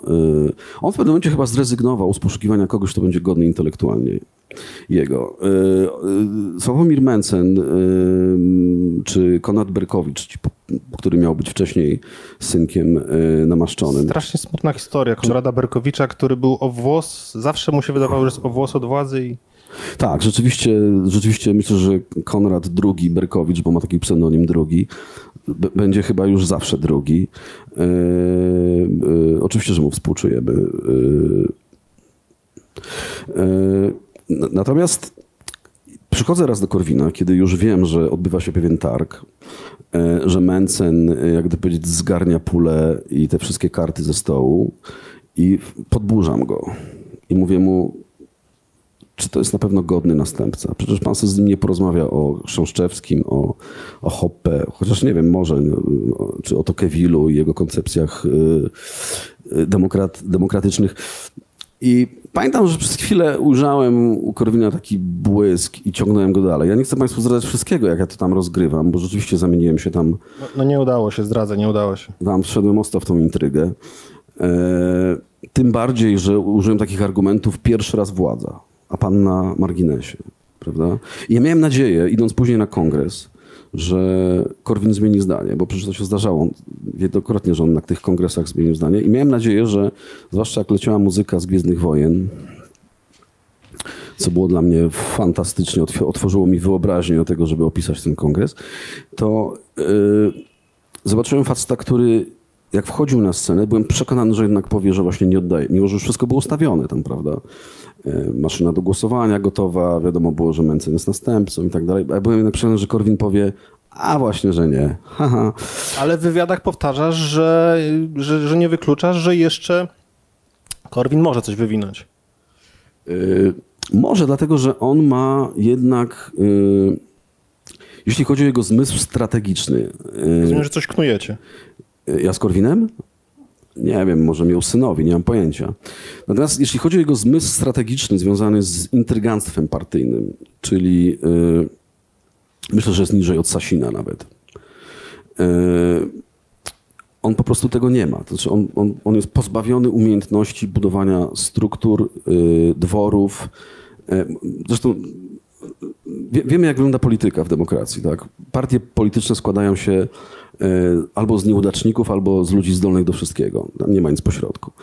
E, I u Korwina e, jest tylko Korwin i są ludzie, którzy powinni... Działacze tak naprawdę, on byłby zadowolony najbardziej, gdyby ludzie przychodzi, gdyby członkowie partii przychodzili na spotkania autorskie z nim. A później ich ustawiali po autografy. On to najbardziej lubił, jak przychodziły tłumy. On tam wszystkich strasznie opieprzał, jak ktoś na, na spotkanie przyszło 3-4 osoby. I na przykład jeden z nich tłumaczy, ale to są nasi działacze. Oni dlatego przyszli, bo są nasi działacze. A on mówi, że nie chce działaczy. Tak? On chce ludzi, którzy, którzy, w których oczach będzie widział swoją wielkość. E, I on w ten sposób zagospodarował swój byt polityczny. I ilekroć rzeczywiście zbliżał się do, zbliżało się do wyborów i był wysoki wynik, to ci działacze na przestrzeni lat, to były dwa pokolenia działaczy, oni potrafili nawet go wprowadzać w błąd co do miejsca, w którym jest spotkanie, żeby on zabłądził i nie przyjechał. Bo bali się, że tuż przed wyborami on coś powie. I taka była na przykład historia z wrześnią. Przyjeżdżają reprezentanci wszystkich partii na prawybory. Oni e, wprowadzają Korwina w błąd. Niestety przyjechał. Prowadzili go gdzieś jakimiś takimi opłotkami, że może nie zdąży na scenę. Zdążył. Wszedł na tą scenę. Oni oczywiście na tacę y, i modły, żeby on nic nie powiedział, co jest kontrowersyjne. Po dłuższej chwili zaczynali oddychać z ulgą. No ale niestety Korwin zobaczył wśród widowni dziewczynkę na wózku inwalidzkim. E, No i powiedział to, co powiedział, czyli że y, jak y, człowiek sprawny siedzi z inwalidą, to się zamienia w inwalidę, więc... Ta historia ma że- piękną puentę, polecamy książkę. Tak, bo ja A odnalazłem ty tę- tę wspomniałeś, ja cię muszę jedną rzecz zapytać, bo wspomniałeś konwencję i sobie od razu tutaj mam wyboldowane. Chciałem zrozumieć, żebyś, albo może wiesz, albo może wiesz, do kogo mnie skierować. I gdy na konwencji, właśnie konfederacji leci piosen, przeróbka piosenki, która w oryginale brzmi z raz obranej drogi nie zawracaj w tył, nie opuszczaj wiary w dumę białej rasy, tak jak Adolf Hitler niż żydowski stan, tylko tam potem jest zamieniony Korwin-Mikke na niż le, lewacki stan. To, to jest, nie wiem, to jest, jak to mówi czasem yy, Sławomir Mencen, żart? Czy to jest wyrwanie z kontekstu? Czy to jest jakaś strategia? Co to jest? To jest, y, mm, myślę, że ukryta fantazja. Po prostu. Oni doskonale wiedzą, że to jest cover hitlerowskiej piosenki. Hitler... Właściwie o to chciałem zapytać. Wiedzą? No, oczywiście, że Bo tak. czasami się, wiesz, no z głupoty Nie, robią no. Oczywiście, że wiedzą, że to jest piosenka honoru, czyli zespołu nazistowskiego. Eee,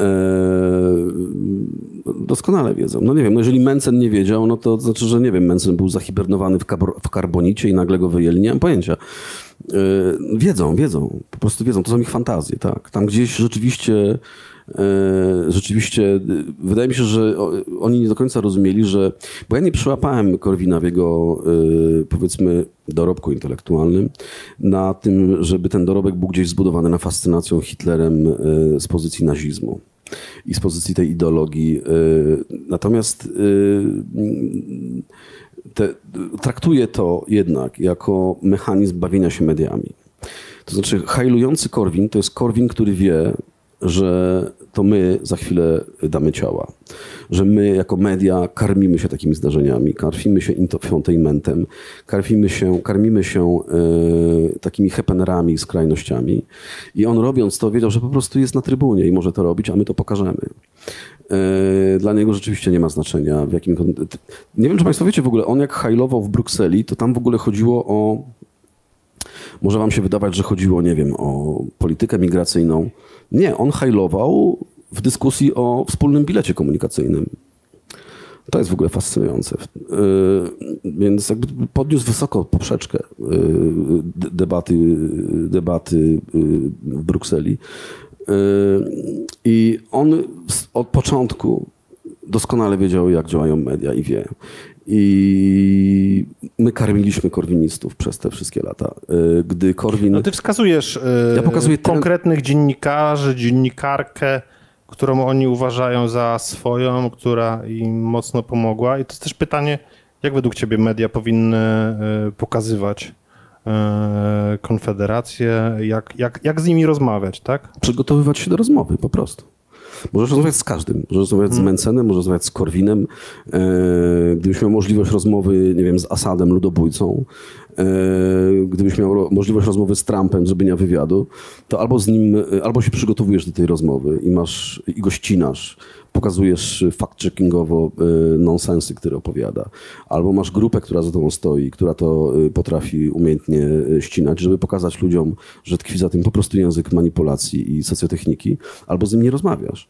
Natomiast nie ma czegoś takiego, że nie rozmawiasz. A warunkiem jest nieprzygotowanie, to wtedy nie, nie, możesz rozmawiać, nie możesz tego podjąć. Natomiast te wszystkie... y, y, Korwin jest elementem infotainmentu, czyli połączenia rozrywki informacji. Y, Korwina się zapraszało po to i jemu podobnych, żeby się na przykład nie przygotowywać do rozmowy, ponieważ to jest samograj. On będzie siedział i sam się będzie... W zasadzie on mógłby być współprowadzącym program. Tak naprawdę w każdym programie informacyjnym, który Państwo widzicie, e, to zamiast... Poli- gdyby politycy naprawdę byli mimami pierdzącymi ogniem, to oni też by ich zapraszali, ponieważ to byłaby oglądalność. Na tym polega infotainment y, publicystyczny, nie tylko w Polsce, wszędzie. Yy, I telewizja jest teatrem. I Korwin doskonale znając te mechanizmy, żonglował nimi, bawił się nimi yy, i zdobywał popularność. I śledząc trend, yy, trendy na Google, możecie Państwo zauważyć, że ilekroć Korwin znikał, przecież on mi sam wprost powiedział, idę do Stanowskiego, żeby przeostrzyć o kobietach. Po prostu. Ja mówię, ale po co panu to przyostrzanie? On mówi, bo nie mówią u mnie o mnie, a kobiety to jest nośny temat. No i poszedł do Stanowskiego i tam On sprawdza e, w siebie w Google e, Trendsach? Tego nie wiem, ale ja to zauważyłem, że y, on bardzo... Że jak spada, to on doostrza. tak, on bardzo wysoko trendował w sytuacjach, w których mówił rzeczy kontrowersyjne.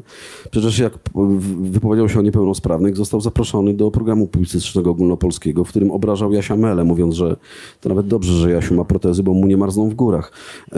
I ludzie oglądając to tak naprawdę powlelali ten mechanizm.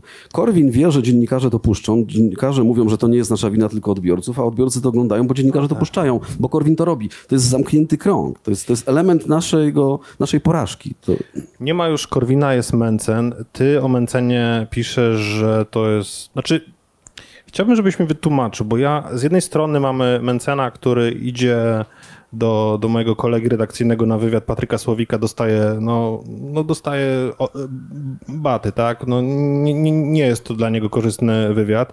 Idzie do Ryszarda Petru, dostaje no, potężny oklep. A ty próbujesz, znaczy ty, a ty piszesz, że to jest człowiek takiego pokroju, takiego formatu, że to po prostu widzisz w nim młodego Kaczyńskiego a, i, i w wywiadach straszysz, że jeszcze e, będziemy tęsknić za, e, za Kaczyńskim, jak Mencen dojdzie do władzy. Mm, To my, nie wiem, my czegoś nie widzimy? Co ty dostrzegłeś? Powiedz, co ty w nim dostrzegłeś. Męcenie? Tak. Ale Mencen jest tylko narzędziem. To nie ma żadnego znaczenia. Ale nie no, no piszesz, że to mło- młody Kaczyński wręcz. Mam, mając na myśli oczywiście umiejętność polaryzacji społecznej i wykorzystywania tej polaryzacji. E, Przecież cała e, zasługa Kaczyńskiego nie tkwi w tym, że on jest e, wspaniałym, wrażliwym poetą, tylko w tym, że on w sposób doskonały rozumie namiętności ludzkie związane z polaryzacją i z nienawiścią i z znajdywaniem wspólnego wroga. Tak, ale Kaczyński jest inteligentnym, s- y, y, wyją- znaczy, no, inteligentnym politykiem, który, który ma dużą sprawczość, tak? A tu mówisz o gościu, który nie potrafi z, wyjść z wywiadu e, obronną ręką. No, Żadne- dlatego właśnie mówię, że mam na myśli umiejętność polaryzowania społecznego. I Mencen... Jak ostrzegasz nas przed Mencenem, Nie, to... kiedy Mencen wygłasza piątkę Konfederacji, to robi dokładnie to samo co Kaczyński o, paso, o, o, o tych pierwotniakach, prawda, o migrantach, o naleciałościach. wyrwaną z kontekstu według Mencena. Yy, nie, dla nich, w ogóle jak polityk zostaje już przyłapany, to wiadomo, że to jest wyrwane z kontekstu. To jest oczywiste. Yy, Więc Mencen doskonale to wie. Piątka Konfederacji jest elementem budowy tożsamościowej grupy społecznej opartej na idei wroga. Po prostu. Żyd, LGBT, Niemiec, y, ktokolwiek inny. Y, To, to są te mechanizmy y, wsp- wspólnotowe z Kaczyńskim. I Mencen, znając ten mechanizm i widząc, to jest przecież oczywiście, że to jest najbardziej prymitywna forma prowadzenia polityki, oparta na wykorzystywaniu niewiedzy, niskiego kapitału kulturowego, zwłaszcza w formowaniu tych umysłów nastolatków, prawda? No Jak my mieliśmy 17 lat, to nas formowało wszystko, co było prostą receptą na życie. Dlaczego? Bo wtedy nam świat się wydawał prostszy. I, i Mencen wiedząc to, w sposób... Dlaczego Mencen... y, on ma chyba jako polityk najwięcej filmików na TikToku, prawda? Dlaczego TikTok jest tak genialny w pop- populizmie i w y, polityce? Dlatego, że wypuszczasz film, który ma 7 sekund. Co możesz powiedzieć ludziom o świecie w 7 sekund? No dokładnie, no, nic, nic, to jest mało powiedziane. Mniej niż nic. Więc mało tego, y, feedback, jaki jest feedback? Jeżeli masz na TikToku filmik, albo Korwin mówi, jeśli stopnieje Grenlandia, to nie będzie suszy, tylko więcej wody, to co piszą konfederaci? Zaorał. No po prostu zaorał, tak? Jeśli pisze, że może, można mieć dziecko z, z wielorybem, ale nie można z drugim facetem, zaorał. E, jeśli ma proste recepty na rozwój gospodarczy, na edukację, zaorał. E, jeśli porównuje LGBT do pedofilii, zaorał. Po prostu. To są krótkie, szybkie hasła. Na- e, Korwin-Mikke jest jak nauczyciel matematyki dla dzieciaków, który uczy tylko e, równań z jedną niewiadomą i zawsze ma odpowiedź na tą jedną niewiadomą. Nie powodzi ci się w, w szkole? Lewacki nauczyciel. Źle ci z kobietą? Wina kobiety. Więc po prostu mistrzem. To jest, od, odpowiedzi są zero-jedynkowe i dlatego, dlatego ci młodzi go szturmują. No, to, jest, to, to, to, jest, to, jest, to jest trochę jak, no tak, to jest tak jak słuchać heavy metalu. Nie, No to jest jak słuchanie heavy metalu, nie? No, nikt nie wie, dlaczego się, przepraszam, do cholery słucha heavy metalu tak naprawdę.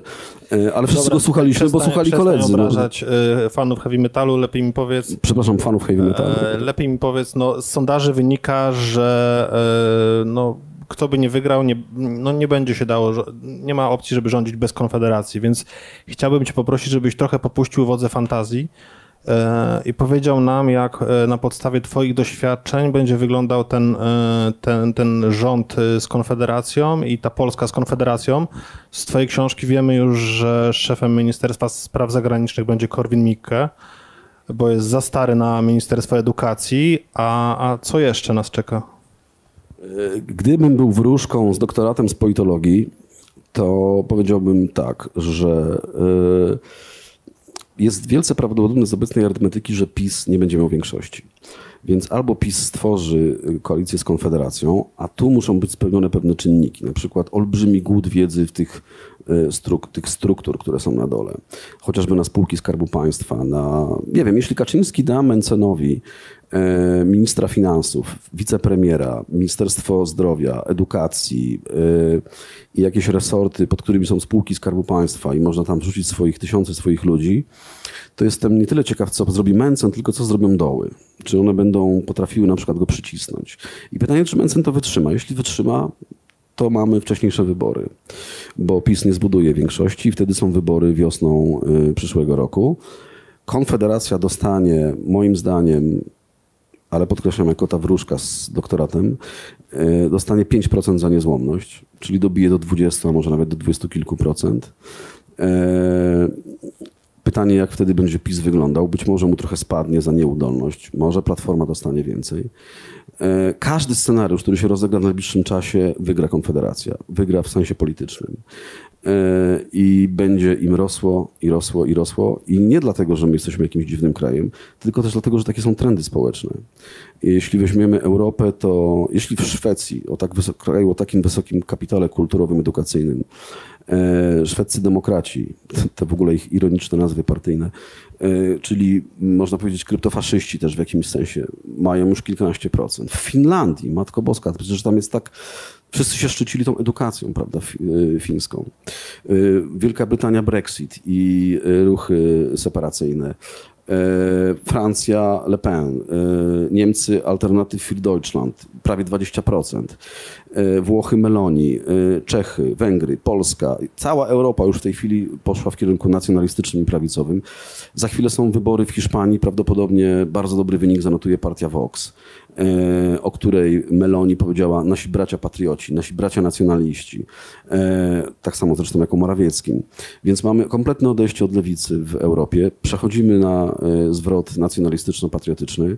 I jeśli, ale ja się tego też nie boję, to tak jest, sinusoida polityczna tak wygląda. Lewica, prawica, lewica, prawica.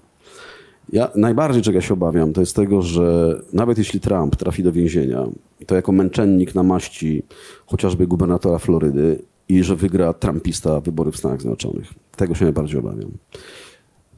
Chciałem cię zapytać, jak wyobrażasz sobie rząd w Polsce, no ale dzięki za analizę w ogóle ogólnoświatową, a E, w tym momencie politycy... Był taki mądry. No, to... Politycy Konfederacji napisali pewnie 16 tweetów, że przecież oni nie, nie wyobrażają sobie e, koalicji z PiSem i na każdym kroku to temu zaprzeczają. A ty w książce opisujesz kogoś, kto prawdopodobnie tę koalicję będzie budował, e, niejaki pan Przemysław Wipler.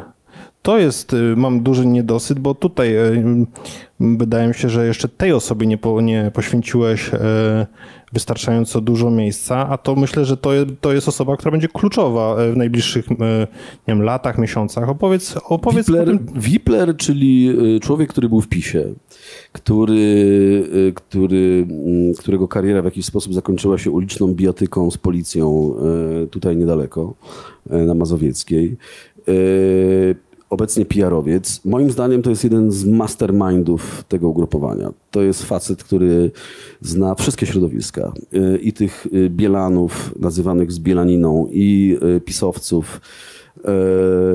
Ma też umiejętności koncyliacyjne i myślę, że on ma to, co, czego nie ma Mencyn. Budowania intryg dworów, rozgrywania ludzi, przesuwania, wskazywania. Myślę, że ten jego dotyk, ten jego palec będzie przesuwał te wszystkie e, suwaczki, guziczki, e, ale nie tylko on, tam jest więcej takich, którzy już się w tej chwili pchają. E, I myślę, że mm, dlatego też Mencen będzie skuteczny, bo będzie miał, on się oprze, on wie, że już chyba wie, że mądrością doradców swoich może zdobyć większą popularność. I to rzeczywiście najgorszy scenariusz taki dla nas y, w Polsce na najbliższe lata, biorąc pod uwagę y, Grzegorza Brauna i jego y, high level performance'u, tą agresję, która przenika z ich języka, tą mizoginię, tą, ta, tą teokrację, ten, ten jakiś ultradogmatyczny katolicyzm, tą nienawiść do kobiet, to gdyby się okazało, że Konfederacja zdobywa władzę, po prostu zdobywa władzę,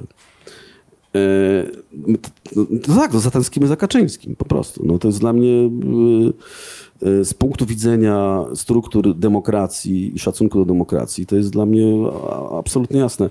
Tym bardziej, że oni po prostu demokracji nie lubią. Demokracja jest przeszkodą na drodze do pojmowanej przez nich wolności, czyli własnej wolności.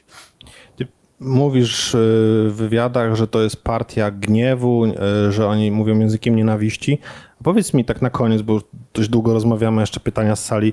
Jak rozmawiać właśnie, e, jeśli, jak, rozma- jak z nimi rozmawiać? Tak jak ty idąc na piwo? Czy, czy na herbatę z dziesięcioma łyżeczkami cukru?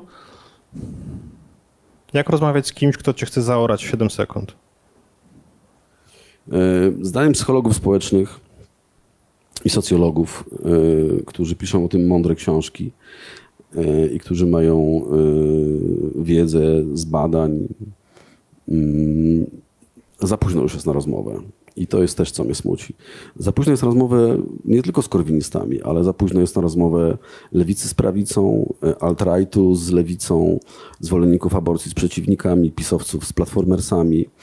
E, Jest, jestem absolutnie zafascynowany tym, do czego doprowadziliśmy z pomocą chociażby social mediów i internetu, do jakiejś niezwykłej radykalizacji postaw, atomizacji społecznej, e, tożsamościowej budowy tych wszystkich kościółków. Przecież, słuchaj, e, jeśli ludzie na profilu przyjaciele psy, psów potrafią sobie grozić śmiercią w dyskusji o tym, czy psa na smyczy wyprowadzać, y, to w, w gruncie rzeczy my przegapiliśmy jakiś y, pewien moment, w którym, y, w którym y, oczywiście, że to można bagatelizować i mówić, że to jest tylko internet. E, ale w Stanach Zjednoczonych z tego powodu giną ludzie. No, tej radykalizacji postaw i wykorzystania tweetów. Marsz na, marsz na kongres, coś niebywałego w ogóle. E, e, dlatego, że ktoś powiedział, że wybory były sfałszowane. Jest najlepszym e, przejawem tego, do czego doprowadzi internet w tej niezwykłej radykalizacji postaw. Bańki, które zbudowaliśmy społeczne w internecie. Jeśli wejdziesz na bańkę, wiesz, każda dzisiaj bańka tak naprawdę to są mikrokościółki. Przecież każdy profil na Facebooku, gdzie ktoś ma kilka tysięcy obserwujących, to jest tak naprawdę kapłan, strażnicy doktryny, wyznawcy. I jeżeli tam wejdziesz i poddasz wątpliwość jakikolwiek post, albo zasugerujesz słabość y, argumentacyjną, Ale naprawdę nie masz żadnego To- to- optymistycznego wniosku? Nic? Zero? to Żadnej nadziei? zostaniesz wyrzucony i zostaniesz pogoniony, zostaniesz zhejtowany. Y, Więc te wszystkie bańki i lewicowe, i prawicowe y, to są. Ja wczoraj byłem w programie satyrycznym, polecam Państwu. To, znaczy, to był podcast satyryczny, to, tam się pośmialiśmy. E, Ale z szacunku do Państwa nie mogę traktować spotkania z Szymonem jako satyrycznego. I y, dlatego, ale tak jak mówię, to są. Po, pracując trzy lata nad tą książką, przestudiowałem nie wiem ile pozycji, y, które ściągałem y, właśnie z psychologii społecznej i, i socjologicznych, i z lewa i z prawa. Y, I widziałem dokładnie ten scenariusz, to znaczy ponure spostrzeżenie tego, że jesteśmy już tak spolaryzowani, y, a jeszcze pandemia, wojna w Ukrainie spowodowała też pewne, pewien strach w postrzeganiu rzeczywistości, że zaczęliśmy się bardziej bać niż odsuwamy pewne informacje, już mamy dosyć tych informacji że z, być może rzeczywiście ten najgorszy scenariusz się musi jakiś spełnić, który będzie jakimś katarzis. Oby nie, no. No dobrze, Marcin Kącki mówi, że za późno, żeby rozmawiać, ale wbrew temu Nie poprosi... Marcin Kącki mówi, tylko No nie, no, Marcin Szymon, Kącki przecież- po przeczytaniu wielu książek, Przecież, które przecież znajdziecie... wiesz, że oni zrobią z tego mema no, w, tym, w tym przekazie, e, w tej transmisji. To zostanie wycięte, będzie moja twarz, e, oczywiście ja bijący ciebie młotkiem, e, albo ty jako pies, ja jako Marcin, kot ale, i podpis e, Kącki e, mówi za późno rozmawiać, poczu- wzywa do przemocy i agresji. Mam No poczucie, nie możemy że, takich rzeczy mówić. Mam poczucie, że mówię o materiał tym, na że memy dopiero powstanie po pytaniach z sali. Jest coś Dlatego zapraszamy na pytania z sali. Proszę ręka w górę i mikrofon tutaj jest. Las rąk. Proszę bardzo. Pan. Tutaj. Dziękuję. E, trochę panowie się obiliście o ten temat, ale chciałem dopytać, e, czemu w zasadzie Korwin dał się sprowadzić e, na margines, zamknąć się w ten kaftan bezpieczeństwa? To znaczy tyle lat na to nie pozwalał i e, w końcu mu zależy rzeczywiście, żeby zrobić taki dobry wynik, czy nie wiem, zestarzał się po prostu? Yy, tak, ma 80 lat. Bardzo silnie nacisnęła go e, małżonka. E, I myślę, że też m, Mencen. e, Oni nie chcieli mi tego przyznać w jakiś sposób, ale myślę, że tam poszedł jakiś szantaż. Że Mencen mógłby zbudować swoją partię, e, e, że mógłby odłączyć, bo e, Mencen był, sądzę, bliski schizmy, tak przynajmniej docierały do mnie informacje tego, żeby, że mając dosyć, Mencen nawet nie pojawiał się na spotkaniach konfederackich zwanych Radą Liderów, wolał robić pieniądze w kancelarii, bo nie, nie, nie, nie podobały mu się te kłótnie, które tam zachodzą, te spory, ta, ta brak skuteczności. To jest naprawdę buchalter, zimny buchalter. On chciał widzieć wyniki liczby. I myślę, że to jest rzeczywiście pierwszy gość, który się pojawił w historii tej całej korwiniady, e, który znalazł jakiś instrument wpływu na Korwina i powiedział, albo to biorę, albo dziadek spadaj. I, e, i on to wziął. No. A mm, jest taki dialog tam pod koniec książki, gdzie rzeczywiście zobaczyłem zmęczonego Korwina. Gdzie sobie trzymaliśmy te nogi na taborecie i zobaczyłem gościa, który mm, chyba się sam sobą zmęczył w dużej mierze. Tak sądzę. Ale ma pan dużo o tym właśnie w książce. Tam jest to, tam jest to pokazane, jak ja podcho- Cała książka jest tak naprawdę reportażem drogi, czyli moją podróżą z nimi przez moje intrygi, łobuzerstwo, e, picie z nimi, no, no, no, no tak, znaczy, nie, no ja muszę w ogóle, proszę Państwa, czytelników ostrzec, to, to nie jest ma, książka ala Mariusz Szczygieł, po pierwsze nie potrafię tak napisać, a poza tym tam nie jest ani miło, ani sympatycznie. E, to jest rzeczywiście jakiś facet, e, tak No jak i ja. Marcin, no nie piszesz, że mogło tak być, tylko pokazujesz jak było. No. E, e, ja po prostu wszedłem e, na ostro w, tę w, tę- w tę grupę kulturową. I, I pozbyłem się pewnych instrumentów, czy też odstawiłem na bok pewne instrumenty, których używałem dotychczas w reportażu, czyli na przykład zestawiam ze sobą monologi i jestem tylko przekaźnikiem, taką kamerą przemysłową. Ja tam współistnieję w tej książce, i, ale bez tego myślę, że bez tych instrumentów y, pewnego teatralnego pokazywania y, tego świata, bez literatury, po którą sięgam, ja bym się nie obronił przed nimi. To znaczy, Ale warsztatowo trochę poległeś, bo nie byłeś w stanie w pewnym momencie, te, ten, ten zabieg, który wprowadzasz, Marcin, część rzeczy, które mówi Korwin, opatruje e, przypisem anegdota i, i właściwie e, piszesz to, co ci Korwin e, powiedział, bo rozumiem, że nawet e, ty, wytrawny reporter, poległeś, bo nie byłeś w stanie sprawdzić, czy to, co on ci mówi, to jest jego strumień świadomości, to się rzeczywiście zdarzyło, czy on po prostu robi sobie z ciebie jaja. no, co znaczy poległeś? Stary, co? Poległeś, bo dokon... Nie, bo takie rzeczy, w telewizji jesteś, no przecież to jest, no, no, przecież to No, jest nie- moim nikt, zdaniem, Nikt to nie, jest do, nikt nie jest doskonały. moim zdaniem,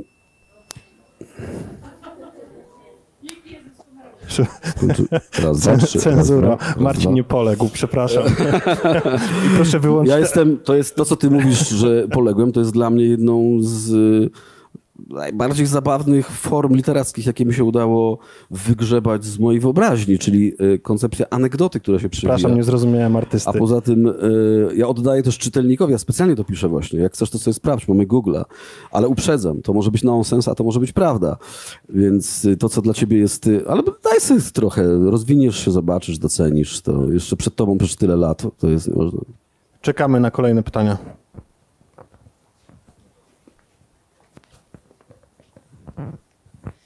Ja mam, ja mam w zasadzie dwa pytania. E, Pierwsze dotyczy tego, czy to jest książka e, tak bardzo o Korwinie, jak, e, jak bardzo o Korwinie jest to spotkanie? Czy to jest książka bardziej o tym, kim są chłopcy, którzy idą po Polskę, bo ci chłopcy mają 35 lat i zostaną z nami bardzo długo.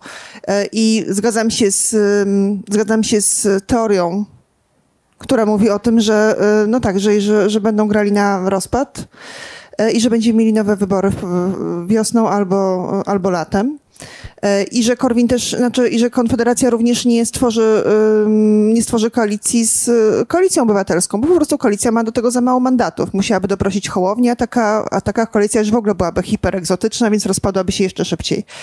Więc zostaną z nami bardzo długo. Bardzo liczyłam na tą książkę, bo chciałam wiedzieć, kim są chłopcy i chcę zapytać ciebie, czy... Y, ja wiem, że to jest reportaż, a nie analiza, ale czy ja z twojego reportażu dowiem się, kim są ci chłopcy, czy dowiem się, jaka jest egzegeza całego ruchu bardziej?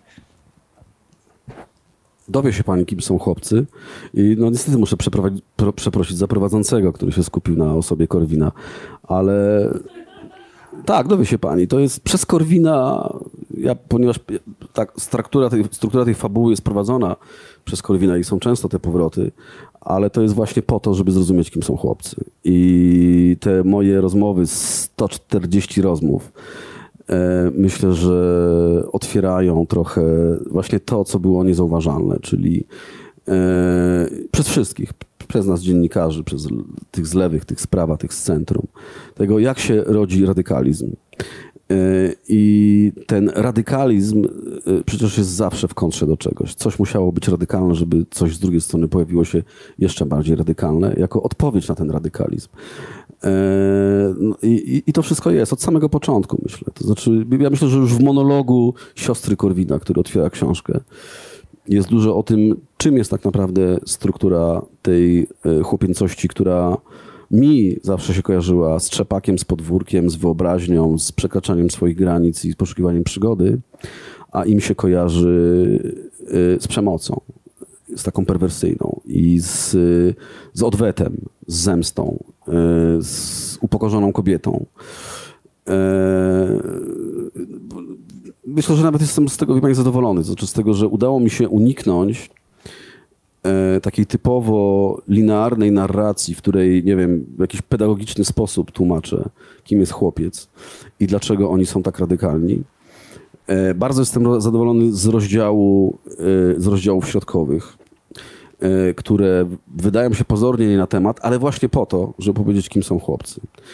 Jestem zadowolony z tego, jak pokazuje, czym jest na przykład lewicowa bańka i, i czym jest w ogóle koncepcja e, postrzegania świata przez radykalne hasła.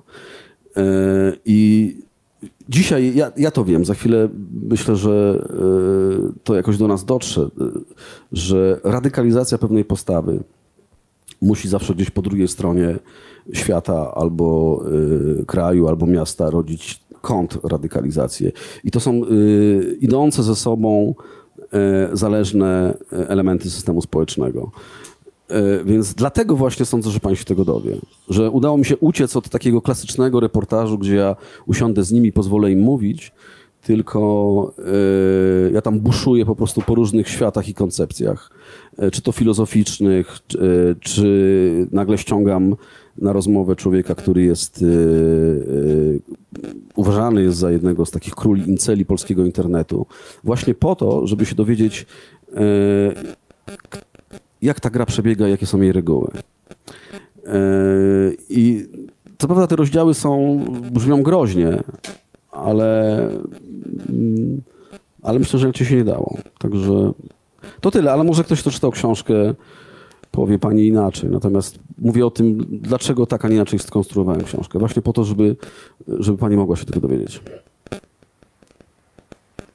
No okej, no, okej, bo zaczął pan pisać tą książkę, kiedy Konfederacja miała około 6% poparcia, teraz ma 14,5%. E, Bo śledziłem trendy społeczne. Tak, I tak, wiedziałem, znaczy- że to się tak skończy. Znaczy, no, nie ja. Śledziłem trendy badania opinii ludzi mądrych, po prostu. Psychologów społecznych, socjologów, którzy o tym ostrzegali. E, Angela Nagel, autorka książki Kill All Normies. E, Patrycja Wieczorkiewicz, e, która Incela. była nawet nielubiona przez swoje środowisko za to, że w ogóle jakim prawem idzie do inceli i z nimi rozmawia. To też byli, to, to, to, wszystko były sygnały, które schodziły i mówiły o tym, że to jest przyszłość. E, alt-right amerykański to była przyszłość, to już wtedy był sygnał. Brexit był przyszłością tego, jak należy rozumieć umiejętność pogrywania e, e, internetem. Firma Cambridge Analytica była dla mnie jednym, jedną z mocnych inspiracji tego, co można zrobić z przekazem internetowym, jeśli ma się odpowiednie narzędzia i umiejętność targetowania. I wiedziałem, że po tej stronie prawicowej nie ma żadnych moralnych skrupułów do tego, żeby sięgać po takie narzędzia. Zresztą mam, jestem przekonany, że po żadnej ze stron dzisiaj, ponieważ to jest po prostu skuteczne. I wszyscy się godzą z tym, że, że, że tak jest. E, Nie wiem, czy odpowiedziałem na Pani pytania. No, no tak, ja, ja w zasadzie potrzebuję podręcznika do, do obsługi tego ruchu i tego fenomenu. I, mm, i ja A wiem, że nie, że nie po to pan pisał tą książkę. E, No bo to się dzieje. Będę żyć teraz w państwie, w którym Konfederacja będzie miała 20% poparcia przez najbliższą może dekadę. E, Nie wiem, co będzie na końcu tej dekady. Dobra, Dlatego nie, nie straszmy się nawzajem, To- to- dajmy, to- dajmy jeszcze- jednak kolejnym osobom Ja jeszcze zadać tylko pani pytanie. dopowiem, że mam koleżankę, która jest y, feministką, którą bardzo szanuję za jej działalność i która ma nastoletniego syna i ja też trochę to dla niej pisałem, bo ona kiedyś mi zadała pytanie, dlaczego mój syn chodzi na spotkania z Mencenem. Ona tego nie rozumie, bo to jej się wyrwało. Prawda? Jak to jest możliwe? Dlaczego? Oczywiście tłumaczę sobie to buntem i tak dalej, ale to też była dla mnie też inspiracja. Dlaczego tak jest? Prosimy o kolejne pytania. Dzień dobry. Jakub Pietrzak. Ja jestem Cześć, jednym, Jakubie. jednym z chłopców, bohaterów tej książki. E, więc jak słyszałem pani pytanie, to się trochę poczułem wywołany, żeby jednak o tym powiedzieć. Tylko mam prośbę, e, trzymajmy się konwencji, że zadajemy pytania. Tak, tak, dobra? jasne. Nie będę tutaj wygłaszał teraz e, swoich manifestów. E, Chciałem podziękować panu za to, jak to jest wszystko opisane i co tam jest napisane, bo to doskonale oddaje sposób myślenia tych ludzi, którzy byli zaangażowani w e, korwinowskie środowisko, czy w, w, w środowisko Konfederacji. To jest bardzo aktualna książka. Jeżeli pani chce się dowiedzieć, e, jak wygląda to środowisko i co ci ludzie myślą i państwo, jeżeli chcecie się dowiedzieć, to, w tej książce na pewno znajdziecie. Ale o dziennikarzy chciałem jeszcze zapytać, no bo obaj panowie jesteście dziennikarzami i poruszyliście trochę ten temat, e, to znaczy odpowiedzialności dziennikarskiej za to, co się wydarzyło. E, I w tej książce tam się pojawia to, co prawda, ale e, mi trochę brakuje jednak rozwinięcia tego tematu. Znaczy i Agnieszka Gozdyra, i Tomasz Lis, i Eliza Michalik, e, którzy gościli e, Korwina i nacjonalistów w swoich programach, są współodpowiedzialni za to, co się wydarzyło. Więc czy być może panowie e, planujecie jakoś wokół tej książki też porozmawiać z tymi dziennikarzami, co, jakie oni mieli motywacje i dlaczego te media tak wyglądają? Albo czy jest planowana być może jakaś kolejna część tej książki, w której takie tematy też mogłyby być poruszone? Dziękuję. Porozmawiasz z Tomaszem Lisem na temat Jutro, jutro będę rozmawiał z Tomaszem Lisem w jego podcaście. Eee, zapytam go o to, tak, zapytam go o to, jak dzisiaj widzi, jak dzisiaj z perspektywy e, czasu widzi takie właśnie momenty w, w telewizji, kiedy zaprasza się ludzi, o których nie tylko nie da się e, skontrować w krótkiej audycji telewizyjnej, bo jeśli, za, jeśli do krótkiej audycji telewizyjnej, w którym masz szereg gości, co najmniej czterech, zapraszasz osoby o skrajnych poglądach, to nie tylko nie dajesz możliwości wytłumaczenia widzowi, y, czy to jest prawda, co mówi taka osoba o skrajnych poglądach, ale też upokarzasz pozostałych gości. Dlatego, że przekaz umiarkowany zawsze przegrywa z przekazem radykalnym, bo radykalny oddziałuje na emocje. Y, I y, w teorii medioznawczej nazywa się to chaosem rytualnym, to znaczy sytuacją, w której zaprasza się albo skrajne postacie, albo postać właśnie o niezwykle skrajnych poglądach, a celem chaosu rytualnego nie jest już informowanie, tylko jest rozrywka. I ja też dlatego na przykład nigdy nie, nie mógłbym pracować w telewizji, to znaczy y, nie wyobrażam sobie, że mam tą chwilę na rozmowę z ludźmi, nie mogę ich skontrować. Upokarzany jest jakiś rozmówca, który ma umiarkowane poglądy. Zresztą wiecie Państwo, y, y, przecież wszyscy jak wchodzicie na Facebooka i zwłaszcza na takie bardzo y, akustyczne dyskusje, to przecież wiecie, że tam umiar jest przestępstwem, po prostu, ponieważ w rewolucji umiar jest przestępstwem. Więc im bardziej będziecie umiarkowani, tym bardziej będziecie znienawidzeni. I tak samo w przekazie telewizyjnym ten umiar był trochę przestępstwem. Podejrzewam, że tak traktowali go producenci. E, mm, I ja się w książce, ja dostałem taki list od y, znajomego dziennikarza, że on po przeczytaniu mojej tej książki chłopcach, napisał mi o tym, jak przez kilka lat był korespondentem sejmowym, czy też sprawozdawcą sejmowym. I napisał mi, że to było dla niego niezwykle upokarzające, kiedy musiał biegać z mikrofonem za ludźmi, którymi gardził, także z powodów intelektualnych, i prosić ich o odpowiedź na e, głupie pytania, które musiał zadać, ponieważ musiały być skontrowane. I ja dlatego tam się wysłoźliwiam w tej książce, prawda? Nazywam, nazywam e, trochę szarańczą e, tych dziennikarzy, bo tam sobie przecież biegam po tym Sejmie też razem z nimi, żeby się przyjrzeć temu, jak wygląda ta, ta relacja.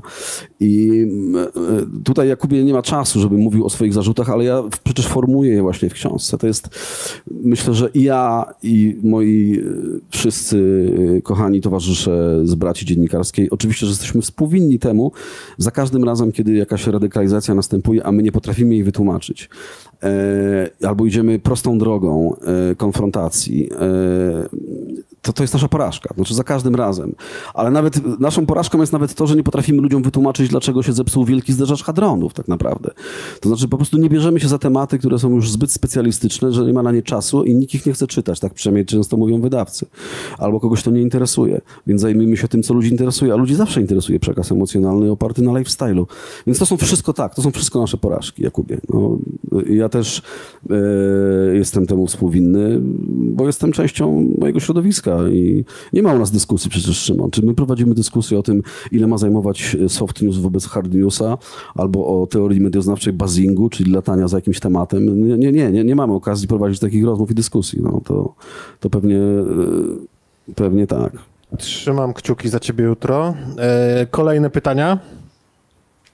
E, Marcinie, powiedziałeś, że e, żeby ten samolot z napisem Korwin czy Konfederacja się wreszcie wzniósł, był niezbędny strach. Tak? Zamordyzm, który Mencen wprowadził w tej partii, e, żeby to w ogóle jako, jako, jako tako działało. Więc mam dwa pytania na kanwie tej opowieści. Pierwsze pytanie, jak to jest, że ludzie zafiksowani na wolności własnej, czy tym, jak sobie tę wolność własną wyobrażają, dali się w ten sposób e, wziąć za twarz, zdominować, podporządkować. E, no i drugie pytanie, ile oni są w stanie de facto to, takie życie wewnętrznej sprzeczności z własnymi przekonaniami de facto wytrzymać, tak? Bo no nie wyobrażam sobie, że ludzie z obsesją na punkcie wolności będą mogli sobie trwać w podporządkowaniu. Nie wiem, nienawiść do lewaków to chyba trochę za mało. Jakiś taki bezczelny pragmatyzm na zasadzie dajcie nam władzę, to dopiero będziemy mieli wolność, nie wiem, może.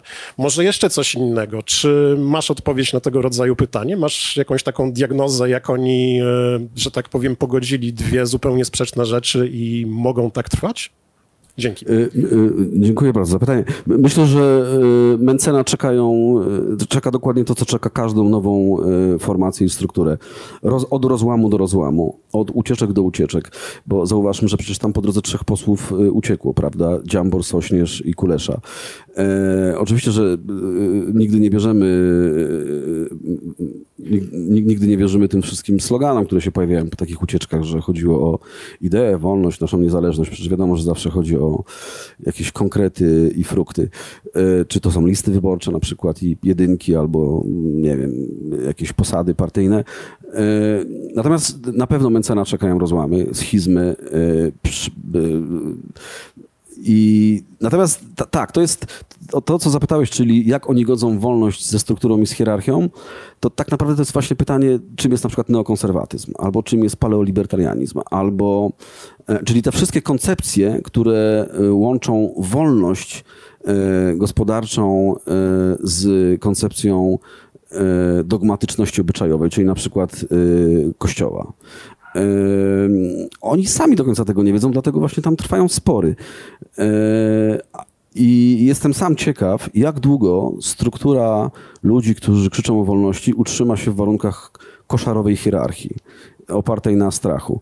Jest to możliwe w. Wiemy, dlaczego to jest możliwe w PiSie, prawda? No,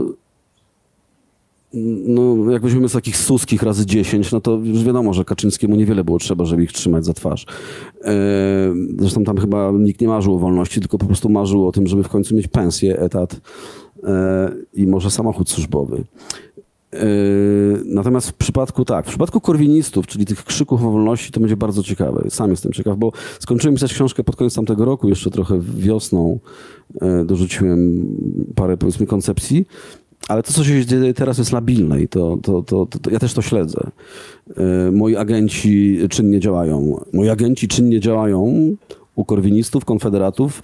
Naprawdę Jestem, wierzę, jestem, na ty- różnych, jestem na różnych forach Że kolejny prze, przewrót szykuje. ja mogę nawet zdradzić, że jest pewne forum korwinistyczne, gdzie jestem współadministratorem, o czym oni nie wiedzą. I na przykład ostatnio dwóch gości wyrzuciłem za niespójność ideową. Dostali bana. E, szukajcie, szukajcie. E, No ale to jest też niestety łobuzerstwo reportera, ja to muszę wiedzieć, prawda, więc, e, więc tam jestem, jestem czujnym, no jestem czujnym korwinistą tam, po prostu najmniejsza, najmniejsza jakaś niespójność i ban. E, Także jak tylko będę wiedział, to myślę, że, że to sobie jakoś zrealizuje się reportażowo, na przykład u mnie w magazynie. Y, jeszcze mamy pytania? E, Ja mam jedno pytanie, które tutaj było trochę jak podane jako żart albo prowokacja, czy jak mówisz Marcin, łobuzerstwo. E, W, ten moment, w którym e, zmieniłeś e, funkcję z bycia dziennikarzem na prowokatorem. I ja mam pytanie, ponieważ znamy się z czasów Białego Stoku, znam twoje dziennikarstwo, wiem w jaki sposób zbierałeś materiały, szapobarze, piszesz też o tym otwarcie. Chciałabym zapytać ciebie, co to dzisiaj dla ciebie znaczy. Gdyby udało ci się przekonać Korwina do tego, żeby odsunął Mencela, co by dla ciebie jako, jako dziennikarza znaczyło opisywanie tej rzeczywistości, w którą tak, e, tak mocno zaingerowałeś? Prawdopodobnie siedzielibyśmy dzisiaj na debacie o etyce dziennikarskiej. Ja bym się z tego tłumaczył. No i miałbym świetną puentę. Więc tak by pewnie było. To jest, y, wiesz, to, jest, to, jest, to są zawsze do, dobre pytania, bo one to są pytania, które, z którymi ja jako reporter muszę się zderzyć w sytuacji y, tego, że przecież nasz zawód nie jest uregulowany jakimkolwiek regulaminem ani statutem. Wszystko, co ja robię, je- jedyne, co ja mogę zrobić tak naprawdę, przekraczając swoje granice i chodząc po cienkim lodzie tego, gdzie jeszcze jestem reporterem, gdzie, chociaż to, to też, bo, bo to zabrzmiało w naszej rozmowie poważnie, ale jak sama zobaczysz w książce, też tak poważne nie jest e, to moje intryganstwo tam. E, Natomiast e, zawsze jako reporter e, mierzę się z takimi pytaniami i jedyne, co mogę zrobić wtedy, to po prostu o tym napisać. Znaczy, to jest dla mnie, to jest taki dla mnie mechanizm pewnego wentylu bezpieczeństwa, że jestem szczery z czytelnikiem. Wychodzę wtedy zawsze z założenia, że ilekroć zrobiłem coś, co jest chodzeniem po cienkim lodzie tej ekspresji reportażowej, bo czasami to wszystko się dzieje niezwykle szybko, e, kiedy się jest w takiej akcji, e, w relacji z bohaterem to jedyne co najlepszego mogę zrobić, to podzielić się z tym czytelnikiem i tak naprawdę oddać się pod jego osąd. Tak jak twój, że ty możesz przestać zapytać, kurczę, ciekawe jak on się z tym dzisiaj czuje i czy to było dobre, czy nie. I czasami nie ma odpowiedzi na to pytanie. E, więc ta szczerość czytelnikiem, bo przecież ja pracuję dla was, dla czytelników, e, to ta szczerość czytelnikiem jest jakby taką umową między mną a wami, że ja nic przed wami nie ukrywam. I nawet jeśli zrobiłem coś, co dzisiaj mogłoby być na przykład, nie wiem, mogę sobie wyobrazić, że ta książka wchodzi na e, dyskusję akademicką, jest grupa studentów, która pyta swojego profesora, jak pan sądzi, czy to, co zrobił Kąski, nie wiem, podobnie jak e, Charlie Lee Duff, który w Detroit opisuje przecież rzeczy tak potwornie intymne, wychodząc z roli reportera, albo co y, często robił y, chociażby Hemingway, łącząc rolę i reportera i, i, i można powiedzieć bojownika. Y, albo sam Orwell, prawda, który pojechał i napisał tą swoją słynną książkę o, o powstaniu w Hiszpanii. To są, to są, to co ja robię nigdy nie będzie odkryciem. Znaczy ja już i tak prawdopodobnie, jeżeli popełnię jakieś błędy, to popełnię dokładnie te, które mieli inni reporterzy przede mną. I jest tylko pytanie, czy ja będę mógł się na nich nauczyć, czy będę miał taką wiedzę, czy będę potrafił ich uniknąć. Eee, tego nie wiem zawsze, bo zawsze mówię, kurczę, no ja też jestem człowiekiem, no po prostu. A, a jeśli mam jakiś łobuzerski pomysł, niestety mam taką strukturę w sobie z kolei, chłopięcą, że ja jednak chyba zawsze przekroczę swoje granice niż się cofnę. Że y, jest we mnie po prostu potrzeba przygody, ale też tego, że E, ale na końcu zawsze musi być ten mechanizm. Znaczy musi być mechanizm, czytelnik musi to wszystko wiedzieć. To czytelnik ma sobie pomyśleć, kurde, jakbym się zachował, czy on przegiął, czy nie, e, czy wyszedł już z tej roli. E, więc to jest dla mnie najważniejszy mechanizm e, tego wentylu bezpieczeństwa, że oddaję się pod osąd czytelnikowi, nie mogę nic ukrywać. Ta- Tam myślę, że moje sumienie bardziej by tąpnęło, gdybym coś ukrył, niż, niż gdybym opisał to, że coś przekroczyłem. Nie wiem, czy to jest odpowiedź na Twoje pytanie.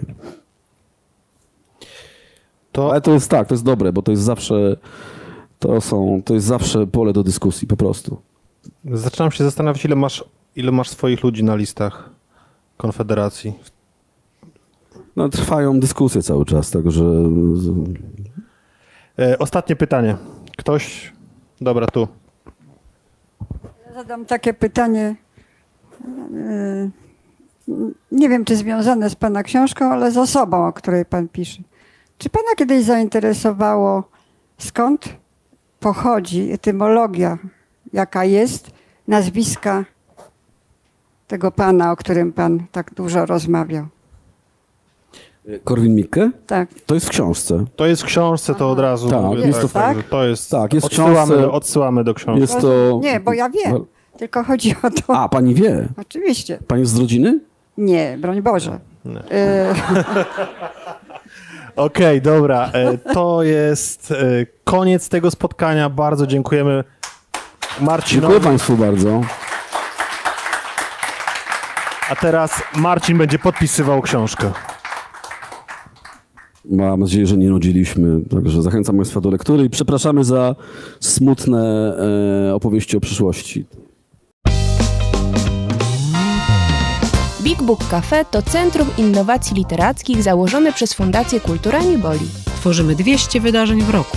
Prowadzimy wege kawiarnię i księgarnię pełną dobrych książek. Big Book Cafe. Żyjemy czytaniem.